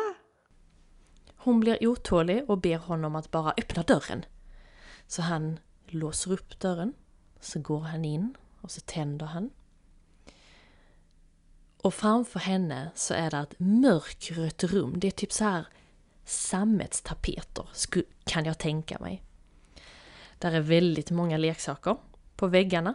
Jag tror det är ljudisolerat, förlåt. Eh, men det är därför det är så här mjuka väggar. Smart. Där är en säng, en typ en fåtöljliknande sak, en soffa och ett bord, typ. På väggarna så hänger det då ännu fler redskap, typ handfängsel, piskor, rep som han då troligtvis har köpt av henne. Så hon går liksom runt lite och hon tar på sakerna och, och kollar runt. Han förklarar att han är en dominant. En person som vill att den andra personen ska underkasta sig honom av egen vilja. Om hon följer hans regler så kommer han att belöna henne och om hon inte gör det så kommer han att bestraffa henne. Sen går de ner vidare till ett annat rum, lite längre ner i korridoren. Så säger han att om de liksom ska göra detta så kommer detta vara hennes rum och då kommer hon bo där fredag till söndag. Och hon får inreda rummet precis som hon vill. Ja, han är så snäll och givmild. Han får, hon får inreda sitt eget rum precis som hon vill. Sjukt. Alltså, det är lite roligt med det här eh, Red Room of Pain. Alltså det här rummet, le lekrummet. Inte med Xboxen, utan leksakerna. Eh, de här sexleksakerna är ju riktiga typ så BDSM inom den genren grejer. Men de fick göra om de här leksakerna för att de skulle vara alltså inte skulle göra så ont när de använder dem i scenerna sen. Så de har liksom så här modifierat dem med typ, jag vet inte vad det var, men det stod att de hade använt så här mjukare skinntyper och päls eller sådana saker för att det inte skulle vara lika smärtsamt när de skulle använda det i scener och så vidare. Sen är det också så att hela Christian Greys lägenhet är tydligen ritad av E.L. James inför filmen. Jaha. Alltså hon har själv gjort layouten tror jag där. Och sen så är det någon inredare. För mig att det var en italiensk inredare som står för all inredning helt enkelt. Ändå. Då har hon ju liksom sett den här bilden framför sig när hon har skrivit Mm. boken. Hon måste ju se bilder när hon läser. Absolut. Anastasia är ju uppenbart förvirrad av hela grejen. De kommer inte sova ihop. Det är den enda relationen de kommer ha med varandra för att det är sån han är. De sätter sig ner och Anna frågar vad han menade med att de ska förhandla om detaljerna. Han säger att han har ett kontrakt förberett och att det är ganska detaljerat. Ganska Christian. Ganska. Vad hon vill och inte vill prova. Anna frågar, hur ska jag veta vad jag vill prova? Christian frågar, när du har haft sex, var det något du inte gillade att göra? Hon tittar ner i golvet och han säger att de måste vara ärliga mot varandra om detta ska fungera. Hon säger att hon inte har en aning, för hon har aldrig haft sex. Han blir chockad bara, men du har väl gjort andra saker? När hon säger nej, då blir hans blick intensiv. Han tar tag i hennes ansikte och andas ut. Var har du varit? Alltså, va? Alltså jag orkar inte. Nej, som om självaste Marie, Maria Magdalena satt framför honom verkligen. Nej, alltså jag vet inte. Sen så typ lyft, alltså drar ju han med henne in i sovrummet. Hon bara, vad gör du? Och han bara, jag åtgärdar problemet. Ja. Och hon bara, är jag ett problem? och så går de in i sovrummet och Bruh. ligger. Alltså, Get the fuck out. Bruh. Bruh. Men också... Nej, jag vet inte. Jag, jag kan inte sätta mig in i denna situationen själv, så jag kan inte säga någonting om hur hon reagerar. Men jag tänker att de har varit i det här Red Room of Pain och hon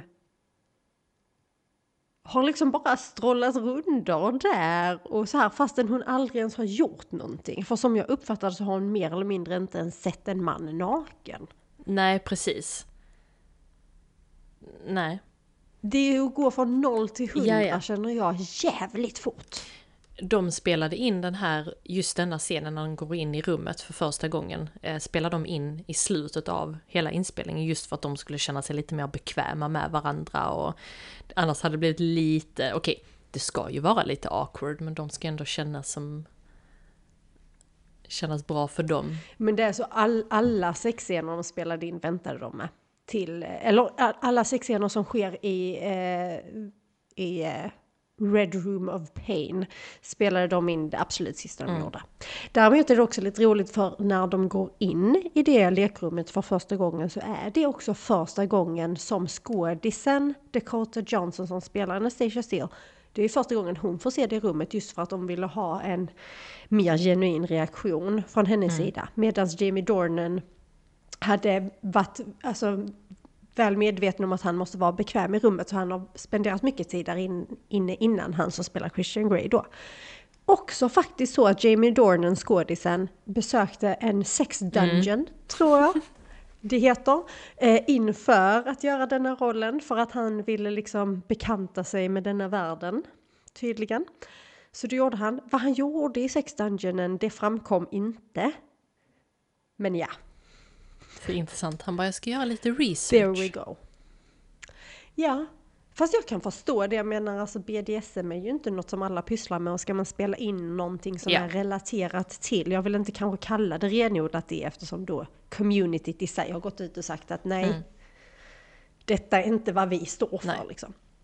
Ehm, men jag kan förstå att man behöver ha en liten inblick i vad är här, vad fan är detta för redskap? Typ. Dagen efter så vaknar Anna. Väldigt glad och utvilad. Hon står i Christians kök i hans skjorta och förbereder frukost. Hon står och dansar. De äter frukost och han säger till henne att de ska tvätta av henne. Och när de står i badrummet så tar hon av sig hans skjorta och han bara stirrar på henne. Den här scenen, varje gång jag ser den, det låter som att jag kollar på den varje helg, vilket jag inte gör, kanske varannan. Men den här scenen påminner så jävla mycket om, om eh, Twilight Breaking Dawn del 1. När, spoiler alert för ingen som har sett Twilight. När Bella är gravid och det här vampyr människobarnet suger ut all hennes blod så att hon blir jättetunn och typ äter ingenting. Så ska Rosalie hjälpa henne att bada så att hon står liksom och kollar på sig själv i spegeln och så tar hon av sig badrocken och sen är hon helt så tunn och scrawny och alla ben liksom sticker ut och så står Edward bakom henne och kollar. Varje, eller varje gång jag sett den här scenen i 50 shades när hon tar av sig liksom badrocken så glider den ju bara av. Det är inget scrawny eller benigt med henne liksom. Så tänker jag bara på henne och jag bara Nej. Twilight, det här är Twilight, det här är... Det. Men har inte du svårt att relatera till de olika skådespelarinsatserna i Twilight, jämt, Twilight jämte mot 50 Shades? Hur menar du? Alltså har inte du svårt att se Robert Pattinsons Edward Cullen att det ska vara Jamie Dornans Christian Grey? Nej, jag förstår det. För att han är jätteöverbeskyddande. Han ska hela tiden se till att hon ska äta, att hon ska sova, att han är, alltså de är ju omhändertagande om man nu ska använda ett ord. De är väldigt possessive, det är liksom Jo, men du är också- min, du är inte någon annans. Christian Grey hoppar inte från en sten till en annan bara för att visa och vara intimidating. Utan han, alltså va? Nej, jag vet inte. Jag tycker de har helt olika karaktärer i mångt och mycket. Men Christian Grey boxar ju Jose i huvudet när han försöker... Okej, nu är det... Ja, det var inte riktigt samma liknelse, men jo, jag ser det. Jag Nej, ser det här. där finns, en an, där finns en anledning, tänker jag, att han gör det medan Edward Cullen går och glittrar och gör jättekonstiga saker helt utan anledning. Men han... Sen är båda creeps. Det kan jag köpa. Det är den här obsessiveness, eh, overprotective delen. Ja, jag köper Mm. det. Men skådespelarinsatserna, nej. Nej, nej, nej, nej. I alla fall, så Christian hon badar tillsammans med en trött gammal gul tvättsvamp. Den är så läskig. Fint är det. Och sen när de är i sovrummet igen så knyter Christian en av sina gråa slipsar runt hennes handleder. Hon lägger sig på sängen och håller armarna ovanför huvudet och han säger, han säger till henne att hålla dem kvar där. När han går ner mot hennes höfter så kan man hinta en del könshår. Och fun fact här är att i denna filmen så la de till könshåret i efterhand med CGI. För de har ju sådana här modesty patches eh, i sexscenerna. Och det är typ som en liten klisterlapp för kvinnan och för en man. Männen är det typ som en, egentligen som en liten påse med en sån här drawstring. Så du liksom lägger ditt junk i det och sen så tar du åt den här drawstringen så att det liksom håller fast där. Det är typ den typen av, plagg, om man ens kan kalla det det, tygbitar de använder liksom.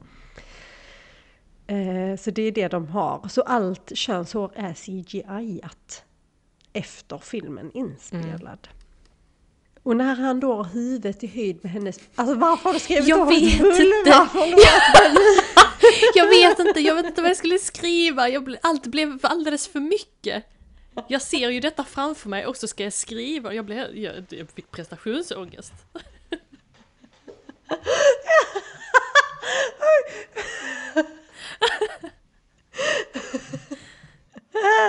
Alltså detta är jättekonstigt. Jag ska läsa vad det står. Det är inte konstigt att du har skrivit det, är bara konstigt för det bara blir så här bara no. Så här står det. När han har huvudet i höjd med hennes vulva så ber han henne att säga att hon är hans. När hon säger va så avbryts deras heta scen av någon som skriker efter Christian i lägenheten. Och han knyter upp slipsen och säger att det är hans mamma. Anna börjar fnittra och bara I'm naked. Men hon får ta på sig sina kläder liksom och sen så går de ut och så blir hon presenterad för mamman och den här mamman då, eh, Christians mamma, bjuder in dem båda till en familjemiddag veckan efter. Åh gud. Vulva, vilket jävla ord, förlåt. visst, allt, allt annat blev så himla grovt. Jättebra användning av ordet, det är inte det. Jag har bara svårt för ordet vulva och jag vet inte varför. Ja, det, är- det är inget fint ord tycker jag. Vulva. Alltså, det låter mer som Nej, typ en nej. skål. kan det räcka med vulvan? Jag behöver slänga ner mina apelsiner redan. Jag tycker att det känns som ett litet berg och jag tänker att det är väl lite det det är. Det är ju liksom Ja. den välvd. Ja, I don't know. Christian ska köra hem Anna från Seattle och på vägen så stannar han till då vid typ ett skogsområde och så väcker han Anna som har somnat i passagerarsätet och säger att de ska ta en liten promenad. Och på promenaden så börjar hon då ställa frågor om när detta började. Han berättar att det var en av hans mammas vänner när han var 15 år. Han var hennes undergivna i sex år och ingen i familjen vet ju om denna delen av hans liv. Hon börjar kalla den här kvinnan då för Mrs Robinson och detta är en referens till filmen The Graduate. The Graduate handlar om en 21-årig kille som blir förförd av en äldre kvinna, alltså då Mrs Robinson.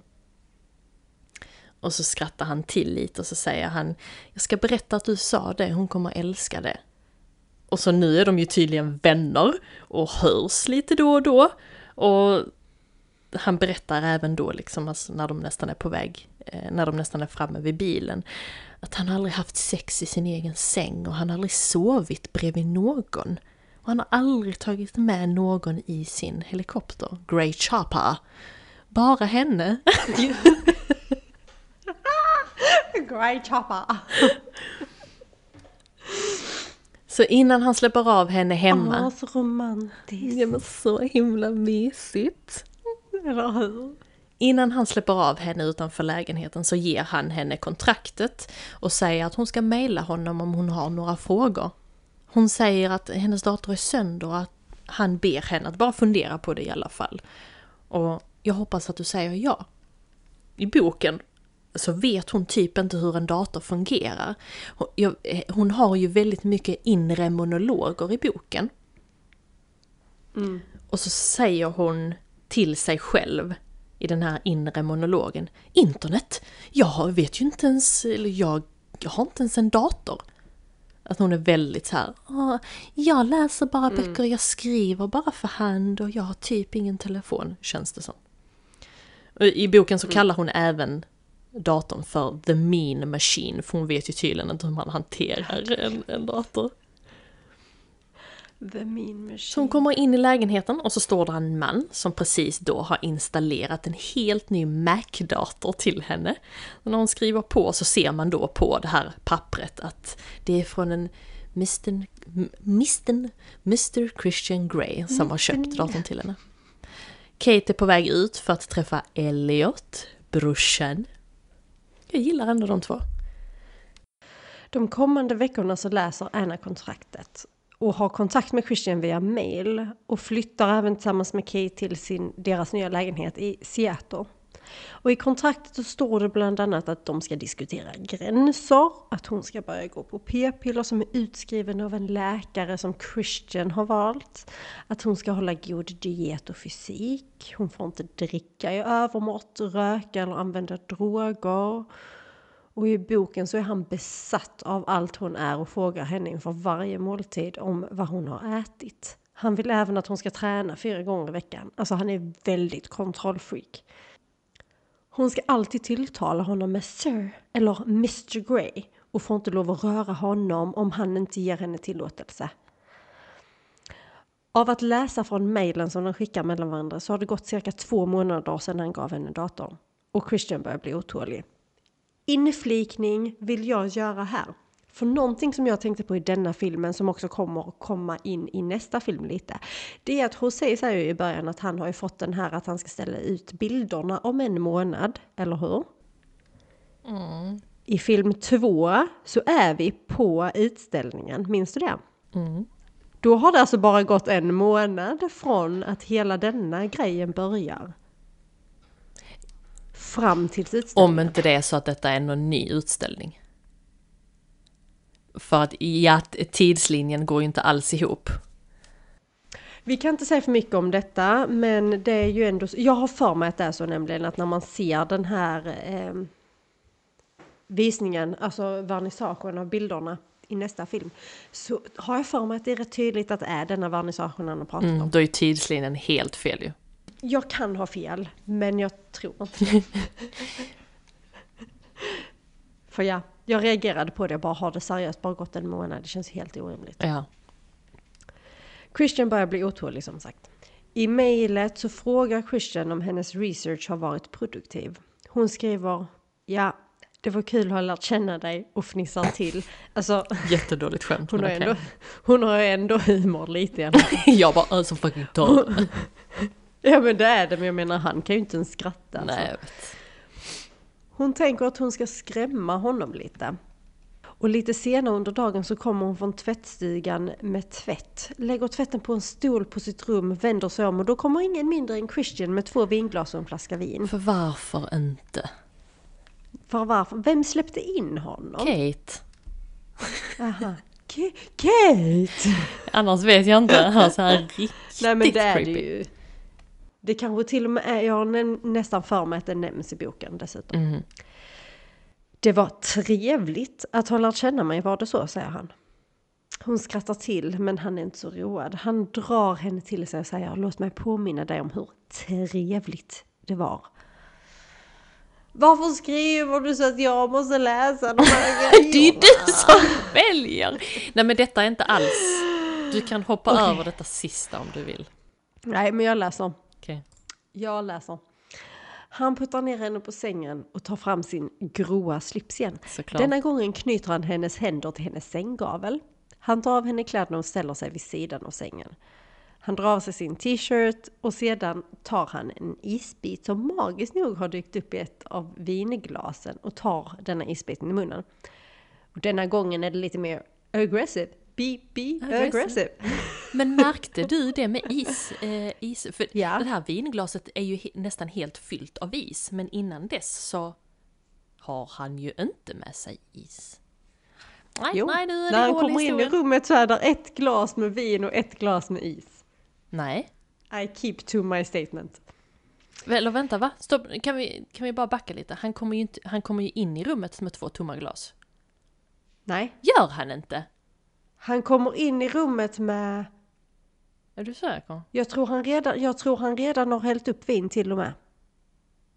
Ja. Jag tror han, om jag minns inte helt fel så har han två glas. Ett med is, ett glas med vin och en vinflaska. I shall check. You shall check. Ehm, jo, att där finns en, en viss vinkel där man då ser eh, själva glaset på nattduksbordet. Och då är där inget vin. Nähä, men det kan också vara att han bara har två glas, ett med is och ett tomt glas och att han häller upp vin när han har kommit in i rummet. Jag är inte helt hundra. Ja, fan det är, det är is i det glaset! Jag visste det. Jag ville ha ett hål i historien! Jag är bara så jävla nöjd. Jag bara, "Åh, jag har rätt. Men, men, när han har ställt dem på, på, på nattduksbordet och sen så går ju fram, eh, kameran fram och tillbaka. Jag tror det är när han typ tar av sig tröjan så ser man det andra glaset och båda glasen är tomma. Och sen så tar han då isbitet, isbitet, isbiten från Isbitet. glaset. Och jag bara, Ja, hmm, inte? wait a minute Mr Grey. Okej, okej. Då fanns Mr. isen Grey. där, det försvann, det kom tillbaka. Kom tillbaka. Som is ofta gör. Eller något. När de i alla fall ligger i sängen efteråt så får hon inte röra hans bröstkorg eller mage. Där han har sina brännmärken. Han ifrågasätter om hon har bestämt sig än men hon vet inte ännu svarar hon. Han tar på sig kläderna, pussar henne på huvudet och går därifrån. Mm, för han sover ju inte med folk. Nej. I nästa scen så får vi se att Anna skickar ett mail till Christian om att hon vill ha ett affärsmöte angående kontraktet. Där hon vill gå igenom lite grejer. Samma kväll så möts de i hans byggnad, Grey House. Också där Grey Chappa står. Grey Chopper and the Grey House and the Grey Man. De går in i ett rum och sätter sig vid ett långbord och nu är liksom lamporna helt dimmade, det är lite mörkt, det är lite rött. Jag hade aldrig kunnat Kan se vi någonting- prata? Nej, kan vi prata om att detta ska vara ett business meeting där han genuint har sina riktiga business meeting. Men där är typ beckmörkt och typ så här Red Light District meeting. belysning. Jag förstår inte, hur kan någon läsa eller se någonting? Ingen aning. Det är väldigt mörkt i alla fall. Det är väldigt mörkt. Anna börjar gå igenom de punkter som hon vill att han ska stryka. Page 3, section 1520. The submissive shall submit to any sexual activity demanded by the dominant and shall do so without hesitation or argument. Mitt i allt så bara så strosar hans assistenter in med vin och typ sushi tror jag det är och bara Det är fyra bitar sushi var till dem. Och de knackar inte heller innan de kommer Nej, in. nej, de suger. De är riktigt dåliga. Sen fortsätter de att gå igenom avtalet när Christian säger att han är väldigt imponerad över hennes engagemang över detta mötet. Can I just say how impressed I am with your commitment to this meeting? Så säger han, i den andan tänkte jag sockra avtalet lite. Vad sägs om att en gång i veckan, en kväll som du väljer, så går vi på en dejt? Precis som ett vanligt par. Detta gör ju henne väldigt glad. Även om hon liksom inte... Han är Visar det så mycket. romantisk. Hon säger att hon ska gå igenom ändringarna och återkomma med ett beslut. Nu börjar han bli mer och mer desperat efter hennes beslut, men hon är fan ihärdig och bara nej, hej då, vi hörs sen. Det måste jag ändå ge henne. Jag trodde hon skulle vara mer, eh, ge med sig mycket mer. Men här är hon väldigt hård. Hon mejlade typ med honom i två månader utan att träffa honom och så här. Detta är inte alls Bella. Detta är ju Nej. inte Bella, det kan du inte säga. Bella har ju vilja som en guldfisk. Ja. Motståndskraft som ett torrt löv. Det är liksom, bara, för fan. gör vad du vill när du vill. Bara, Jag skiter i. Kommer en vindpust bara... Ja, nej. Så jävla bra. Det glömde jag nämna! I början av denna filmen så är det faktiskt piano som spelas. Där jag direkt tänkte, för det är en, bara en liten del av det här pianospelet. Som jag bara, hmm, undrar om detta är en version-ish eller tolkning av Bellas Lullaby. Kan det mycket möjligt vara. För att eh, Christian spelar ju också piano i filmen och jag tror mycket, mycket mer i böckerna än i filmen i Twilight så spelar ju Edward också piano. Är Bara en sån, jag vet inte om det är så, men jag tänkte på Annas jag Lullaby för att hon... Eh, mm, vi kommer komma till det om en liten stund. Okej. Nu är det dags för examen och Christian ska hålla tal på deras eh, examen.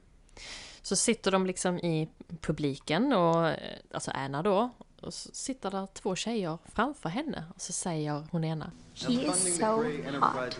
Oh god. He's so nice.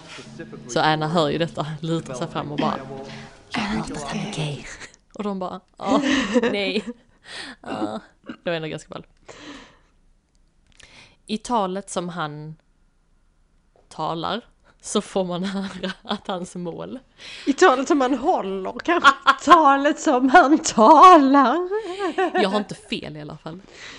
Nej, det har du fan inte, det är jävligt rätt. Man får höra hans mål, om, eller hans mål är att utrota hungern över hela världen, då det står honom väldigt nära. Han vet själv hur det är att vara extremt hungrig. Och Anna blir lite ställd över att få reda på detta, för hon, hon förstår ju liksom att jag känner ju nog inte riktigt honom. När hon ska upp på scen och ta emot sitt diplom så skakar hon hand med honom och säger Snygg slips! Och han säger att den nyligen har blivit hans favoritslips. Och säger om hon har sitt svaren. Och hon säger okej, hihihi, och fnissar till typ. Så han blir liksom helt ställd och så går hon då ner för scenen. Och efteråt så minglar då alla de nyexaminerade eleverna med bekanta, vänner och familj. Och så kommer Christian fram till Anna och Kate där de då står med Annas styvpappa blir det, för hennes riktiga pappa dog när hon var liten. Kate frågar Annas pappa om hon har träffat Annas pojkvän och Christian liksom hänger på direkt och bara ja, yeah, wow! Hälsar på honom och Anna blir lite så oh my god. Hon sa pojkvän och han bara hängde med. What is happening? Mm. När de står och pratar så blir de avbrutna av en fotograf på stället som vill då ta ett foto på Mr Grey. Han ursäktar sig då för Annas pappa och så, så för han liksom Anna en bit bort och hon blir så, åh okej ska jag, ska jag följa med? Ja, okej. Så fotografen tar ett foto på paret och nu är det liksom den officiellt första bilden på en kvinna och Mr Grey. För det har det ju inte funnits innan. Oh, yes. Därav frågan, är du gay? Från Kate i början av filmen. Vill du ta nästa? Va? Kommer det sexiga nu igen eller är det jag som ska köra? Men det är inte Så jävla planerat. välplanerat! Jo det är det! Jag vet att i din egen anteckning så har du samma Matilda. Ja, jag bara, hmm, ska du ta det nu? Eller hur? Efter examen så får Anna en bil av Christian som examenspresent. Kate blir lite orolig över att det går så snabbt och ber Anna ta det i sin egen takt. Här måste jag bara säga, fast vänta nu här. Anna är ändå en vuxen kvinna. Visst att hon inte haft en relation innan, men hon har nu en relation med en mångmiljonär. Detta är ju fickpengar för honom. Spelar det verkligen någon större roll? Alltså jag, jag förstår att Kate värnar om henne, men det känns som att hon inte alls är glad för Annas skull heller. Nej, och nej, jag förstår vad du menar. Hon, har, hon känner ju inte riktigt Christian liksom. Alltså, jag vet. Men hon kunde ju varit lite, nej men jag menar vad fan, Anna känner inte Elliot och hon går ju inte och börjar jiddra med Kate om honom. Nej, jag tänker hon kan ju vara lite glad och så men ändå typ stöttande. Ja. Lita på din vän. Jag stör mig lite på Kate. Mm. Fan sluta sno mackor kvinna. Torra fucking mögliga jävla mackor. Nej, hon kan fucking ha den mackan. Ja det kan hon visserligen. Men i alla fall. Kate blir lite orolig över att det går så snabbt och ber Anna ta det i sin egen takt. Väl hemma hos Christian så säger han till Anna att han vill ta henne till sitt lekrum och hon säger att hon inte har skrivit på kontraktet än, men säger okej till det. När de går in så hjälper han henne av med kläderna, flätar hennes hår och ber henne att sätta sig ner på knä med ryggen mot honom med handflatorna på låren. Och här har du uppmärksammat att hon har grå trosor på sig. Ja, för det är inte ofta man ser det. Grå trosor eller? Grå underkläder. Ja, När har du sett ett par grå underkläder sist? Nej, det är, Det är inte en rolig färg. Nej, det är ju typ så här svart, vitt eller rött. Eller någon Exakt. jättepoppig färg som typ rosa. Ja, Ja. du ser aldrig grått. Så det var därför så. Det True. blev... Men är det någonstans det ska vara? Det ska vara i 50 shades of Grey. Ja. Men vet du att eh, Dakota Johnson tog med sig både lite piskor från inspelningen men också x antal underkläder. As she should. Hon, As she hon should. sa väl någonting om att eh, trosorna var alldeles för mjuka för att De var för låta dem vara bekväma. För bekväma. Ja. Alla bara mhm.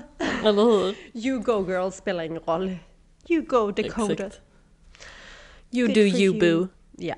Han går för att byta om till ett par slitna jeans. Hans lekrumsjeans. Alltså det är ju också... Minns du detta i boken? Ja, jeansen är ett viktigt inslag. Jag förstår inte vad grejen är med Inte jeansen. jag heller. Varför vill man vara obekväm i ett par slitna jeans? Jag känner också, om han nu skulle satsa på något så kunde han ju satsa på grey sweatpants. Ja, Typ. där Men det nej, står grey sweatbands på sidan. På, på rumpan tänkte jag mer som en ah, stamp. ah, ah, ja, ja, ja. Typ som Juicy Couture fast grey couture. Exakt. Great couture. In chopper. In house. In chopper, in-house.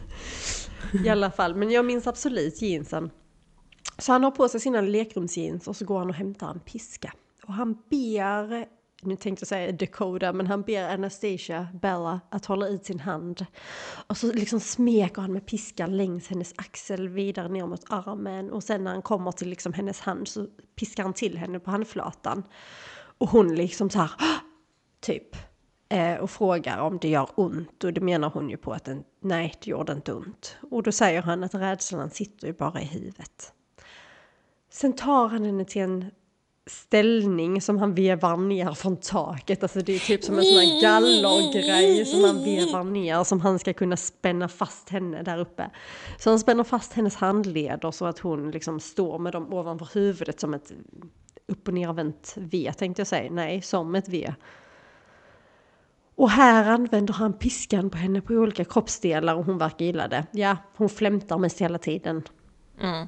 Typ. Det är det det går ut på. Liksom. Sen är det sexin! Eh, ja, de do their nitty gritty stuff eller något. Jag vet inte. De har skoj. De njuter av varandra på diverse sätt. Och när de är klara så spänner han ner henne från ställningen och bär henne till hennes sovrum. För hon har somnat av utmattning. Hon är liksom inte medvetande längre då. Men Ja. Jag minns detta så väl i boken. Att hon somnar ju varje gång de har varit där inne av utmattning. Så att han måste bära henne till rummet varje gång. Minns du det? Nej, men det var jättelänge sedan. Alltså jag läste ju böckerna för väldigt länge sedan. Samma här. Alltså jag läste dem för, alltså, när de kom ut typ. Ja, samma Men jag här. kan minnas det så tydligt. För jag, i mitt huvud, Jag vet inte. Det var jätte, jättekonstigt att han behövde bära henne överallt. Men tror du inte det kan vara en sån här grej också? Att dessa scenerna som de egentligen har då sinsemellan i det här rummet och hela den här BDSM-grejen. Alltså jag tänker att den kan ju nog egentligen vara ganska utdragen och påfrestande för den som blir utsatt för det. Tror du Ja, inte det är en det. sån grej så att därför så när det väl liksom har nått sitt crescendo och liksom de är Mm. färdiga så typ däckar hon. Jo, För han utsätts ju inte på samma sätt. Han gör ju allting mot henne men hon ska ta liksom hela skiten. Ja, ja. Och sen så är allting helt nytt och så blir det alldeles för mycket Ja. intryck och sen så bara kraschar man. Ja, ja Jag kanske det. tänker, alltså för jag tänker också att det är nog inget som tar en tio minuter sen är de färdiga. Utan de, de håller nog på med sina smisklekar lite längre. Mm. Tror jag. Ja, Ja, jag det låter inte. rimligt. Det låter rimligt. Men hon somnar av utmattning. Han bär henne till hennes rum. Och när hon då vaknar efter ett tag och det är mörkt ute. Vet inte hur länge hon har varit avtuppad. men, men hon vaknar, det är mörkt ute.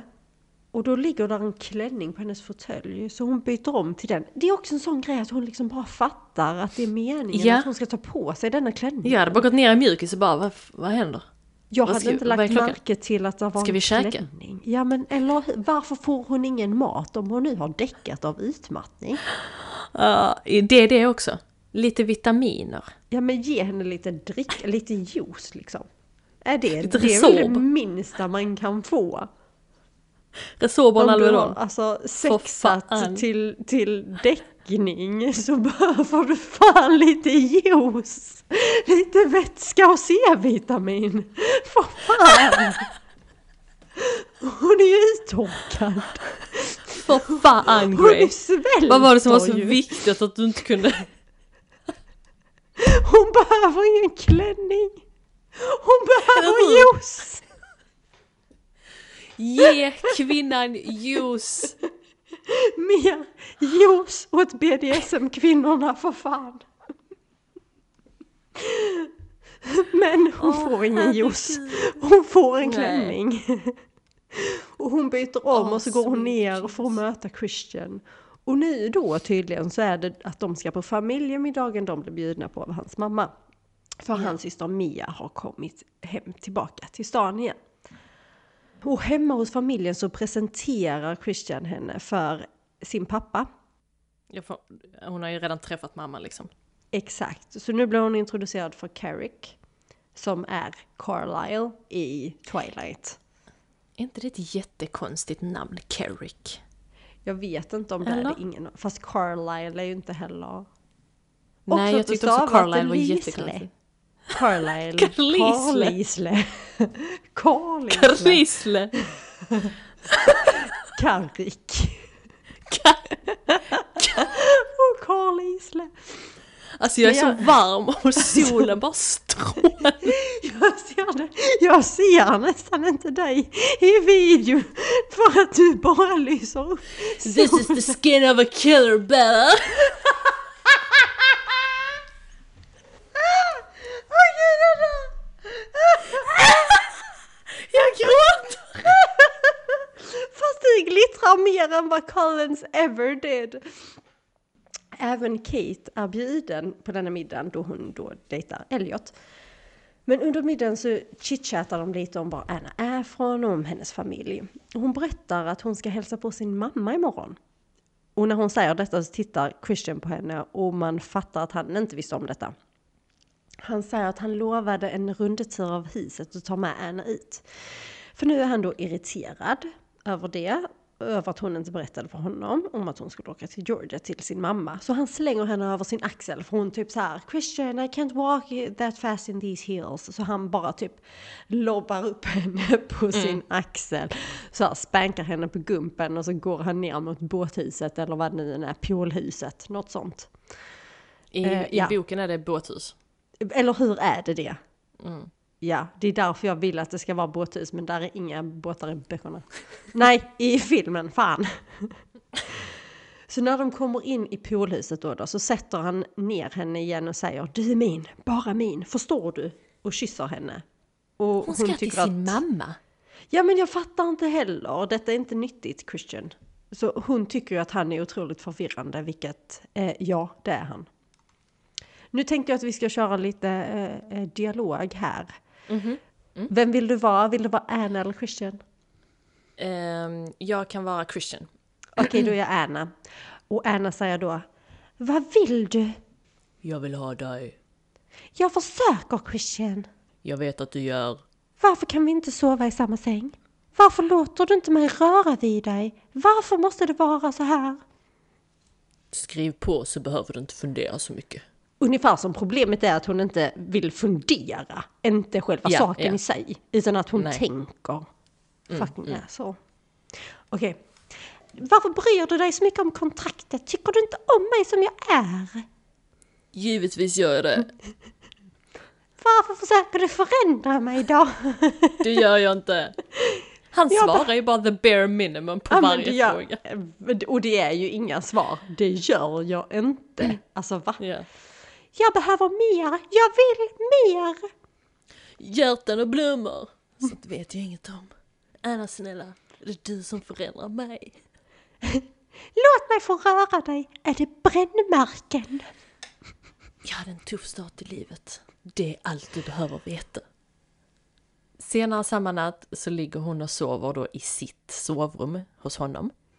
Christian sätter sig på kanten och pratar högt för sig själv, men då liksom till Anna. Han säger att kvinnan som födde honom var narkoman och en prostituerad och att hon dog när han var fyra. Han minns vissa saker. Hemska saker. Men han minns inte henne. Men ibland så tror han att han ser henne i sina drömmar. Och så lägger han en hand i hennes så hon vaknar till och så viskar han Måste du verkligen till Georgia? Och hon nickar trött och bara ja, det måste jag. Bara fucking låt, låt henne åka till sin mamma, vad är problemet? Ja. Så eh, har hon då åkt till Georgia, vilket hon skulle, och så bor hon hos sin mamma och då make fyra som då bröt foten när han spelade golf. Han ser ju väldigt hälsosam ut nu. Och hon ser hur lyckliga de är och hur de skrattar ihop och jag tror hon, lite hon tänker att men varför kan inte bara vi ha det sådär? Varför måste han liksom komplicera det så jävla mycket? Hon skriver ett sms till Christian om att hon saknar honom och att hon önskar att han var där. Och han svarar att han önskar det också, att han ska äta middag med en vän ikväll. Och hon bara, vem? Mrs Robinson? Och så skriver han, du ska inte oroa dig. Det är klart som fan att hon oroar sig. Han inser liksom ganska så snabbt att nej, hon kommer nog oroa sig så han ringer henne. Men hon bara... och så ignorerar hon hans samtal. Dagen efter så sitter hennes mamma och Anna och dricker drinkar på något sånt här luxury Copacabana lounge-ställe och bara så mm, smuttar på drinkar. Och så ringer Annas telefon, men så precis när hon ska liksom, eller det det ringer inte, det plingar till liksom. Så ska hon räcka sig efter telefonen och så säger mamman att Don't, han kan vänta. Men så öppnar hon telefonen i alla fall och så ser hon ett sms från Christian där det står En till Cosmo? Frågetecken. Och hon bara Fuck, han är här. Så hon berättar det för sin mamma och så, så kommer han liksom bakom, bakom Anna. Och bara så, oh hello. Och både mamman och Anna bara, eh, hej, vad kul att du är här. Men Anna är ju mer irriterad över att, över att liksom han hade en middag med Mrs Robinson och sen så nu så kommer han dit. Anna menar ju liksom, eller mamman tar en liten promenad för att hon märker att stämningen är lite tryckt och så och så säger han att nej men hon är ju bara en vän och det är ju allt. Och Anna säger men hon är en pedofil. Men Christian vänder det till att han har anförtrott sig till henne och att hon känner honom bäst. Och, men så Anna blir ju typ lite lugnad över att Mrs Robinson verkar ha rått honom till att åka dit efter henne för att han har ju kommit. Och dagen efter det så kommer ännu en överraskning för Christian. Han kör ut henne till ett flygfält för lite, lite ma- massa olika plan. Och det de ska göra denna gången är att åka ett glidflygplan, vilket ser så jävla läskigt och härligt Ja. ut samtidigt. Jag min döda kropp. Jag hade aldrig gjort okej. det. Men ser det inte ut som att det är så... Jo, fruktansvärt med andra ord. Okej. Inte kul. Nej. Men sen när de, eh, när de är klara och är på väg till bilen så får Christian ett samtal och han måste åka till Seattle direkt. Någonting har hänt. När Anna sedan eh, kommer hem från Georgia så åker hon direkt till Christians lägenhet och han är ganska upprörd, han pratar i telefon och eh, hon märker liksom att eh, han är irriterad så när, när han lägger på telefonen så frågar hon om han är okej, okay, om liksom vill att jag ska gå härifrån, jag kan komma tillbaka senare och han bara Nej, jag vill att du ska vara klar i lekrummet om 15 minuter. Och hon verkar ju liksom inte riktigt gilla det för hon vill ju hellre prata med honom om vad det är som har hänt och inte bara ta ut det där. Och sen på natten senare så sitter Christian och spelar en ganska sorglig melodi på pianot. Och Anna kommer ner och då slutar han spela. Och hon säger att allt han spelar låter så sorgligt. Hon undrar om han lärde sig spela piano när han var liten för att glädja sin nya familj, för han är ju då adopterad. Han svarar inte utan börjar plinka på pianot igen. We should be talking. Like normal people? Yeah. Is that so wrong? Hon säger, ja, är det så fel? Och ska smeka honom liksom på kinden, men han tar undan hennes hand. Och när han går därifrån så går hon efter honom och frågar ifall det är på grund av kontraktet eftersom hon inte har skrivit på det ännu. Och han säger skit i kontraktet, det är ganska onödigt. Han säger det på så jävla, han har så jävla dålig attityd när han säger det också.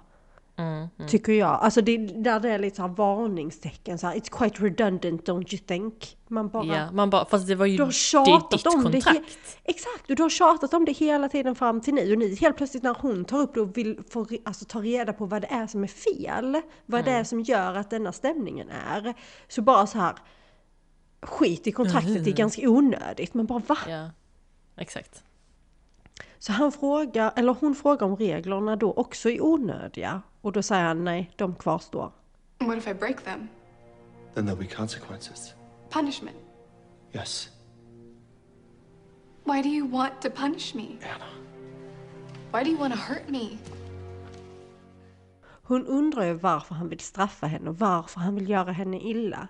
Och då svarar han, jag gör ingenting som jag vet att du inte klarar.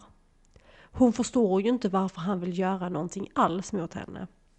Och då säger han, om jag berättade det skulle du aldrig se på mig på samma sätt igen.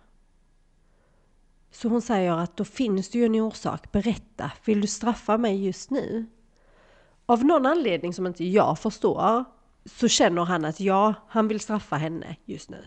Jag fattar inte var det kommer ifrån, för hon har inte gjort någonting som gör att han skulle, alltså om man nu ska tänka på deras regler. Varför skulle han bestraffa henne i detta läget liksom? Jag förstår inte det. Men han säger att ja, jag vill straffa dig nu på en gång. Hon säger då, om jag känner på samma sätt inför att bli straffad som du gör när jag vill röra dig, vill du fortfarande straffa mig då? Jävligt bra grej att ta upp faktiskt. Och då säger han att nej, men jag skulle fortfarande behöva göra det.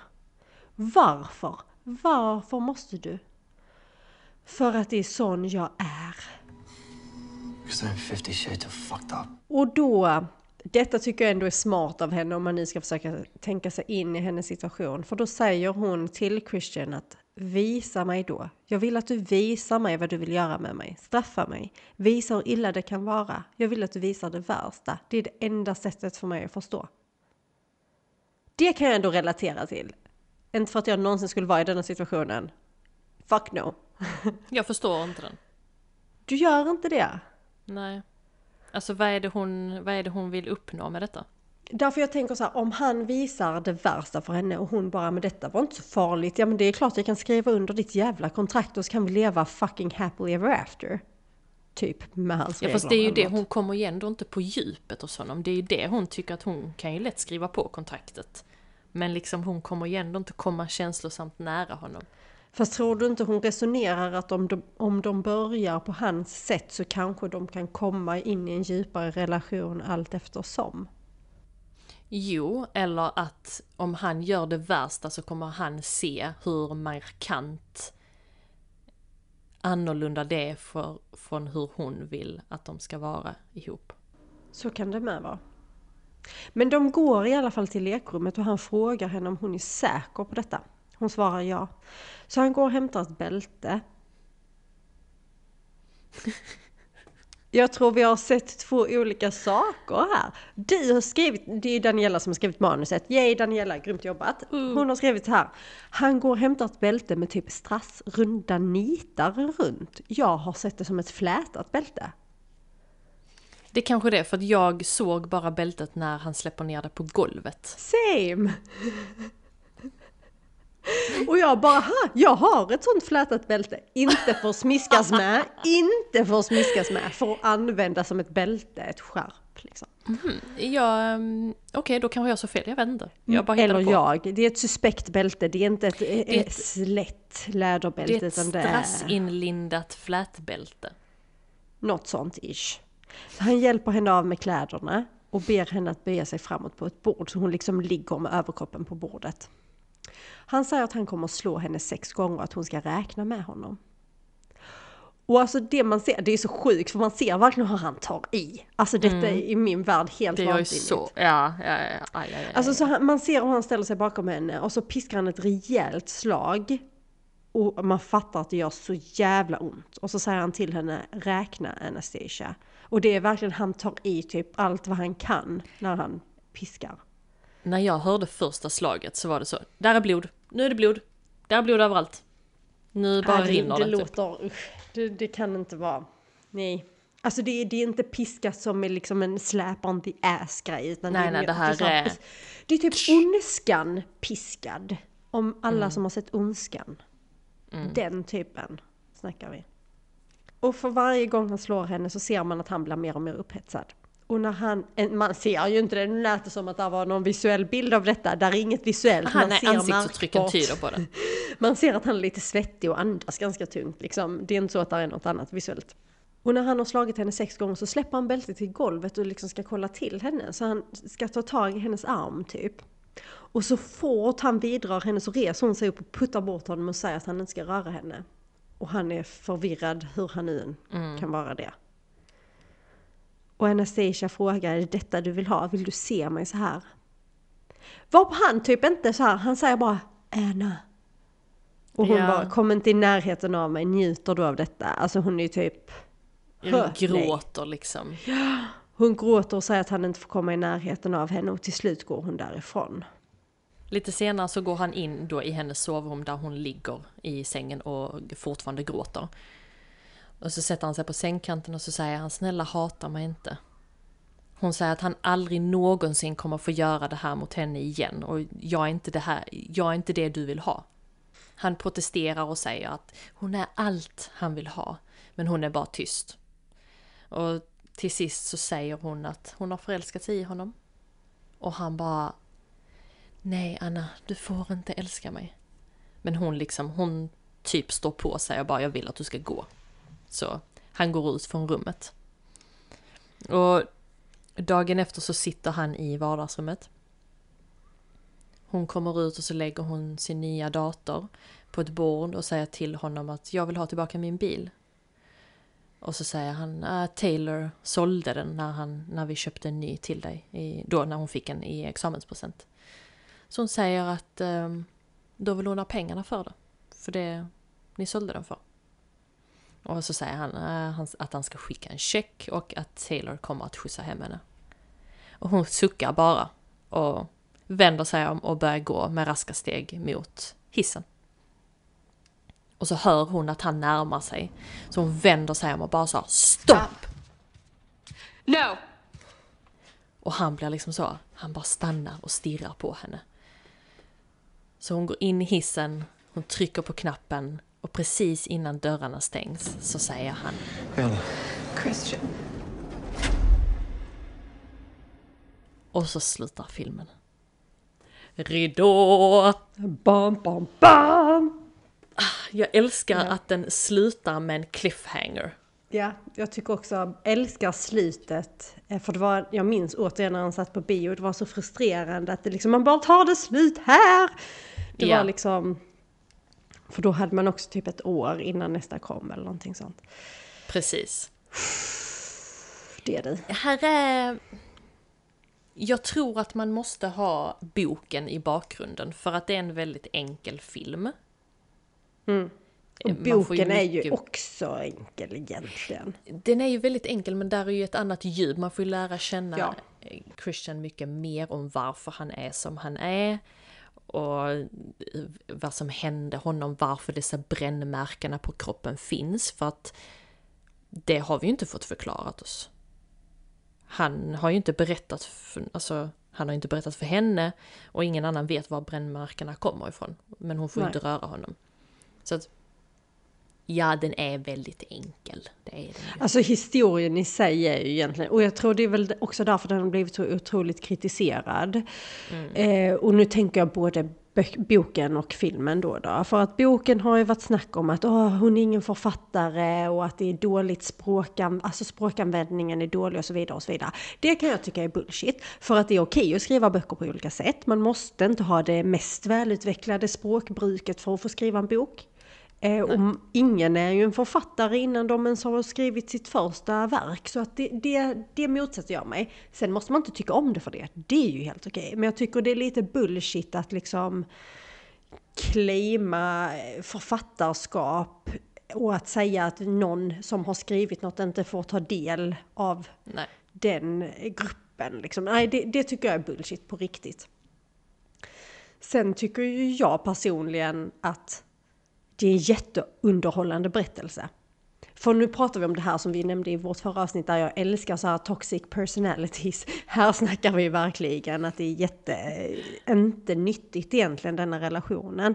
Och jag älskar att läsa och titta på det för att det är så långt ifrån min verklighet. Tack och lov! Och det är ju precis därför jag gillar det. Jag gillar att bli matad är någon- med sånt jag inte utsätts för. Nej, alltså hur många piskor ger vi denna? Ja, slipsar är lite bättre. Nej, Grey Choppers. Grey Chopper, hur många ger vi? Tre. Tre, sa du det? Mm. Det var givmilt, jag vill ge den två. Mm, jag tror dock gav inte jag typ Twilight 2.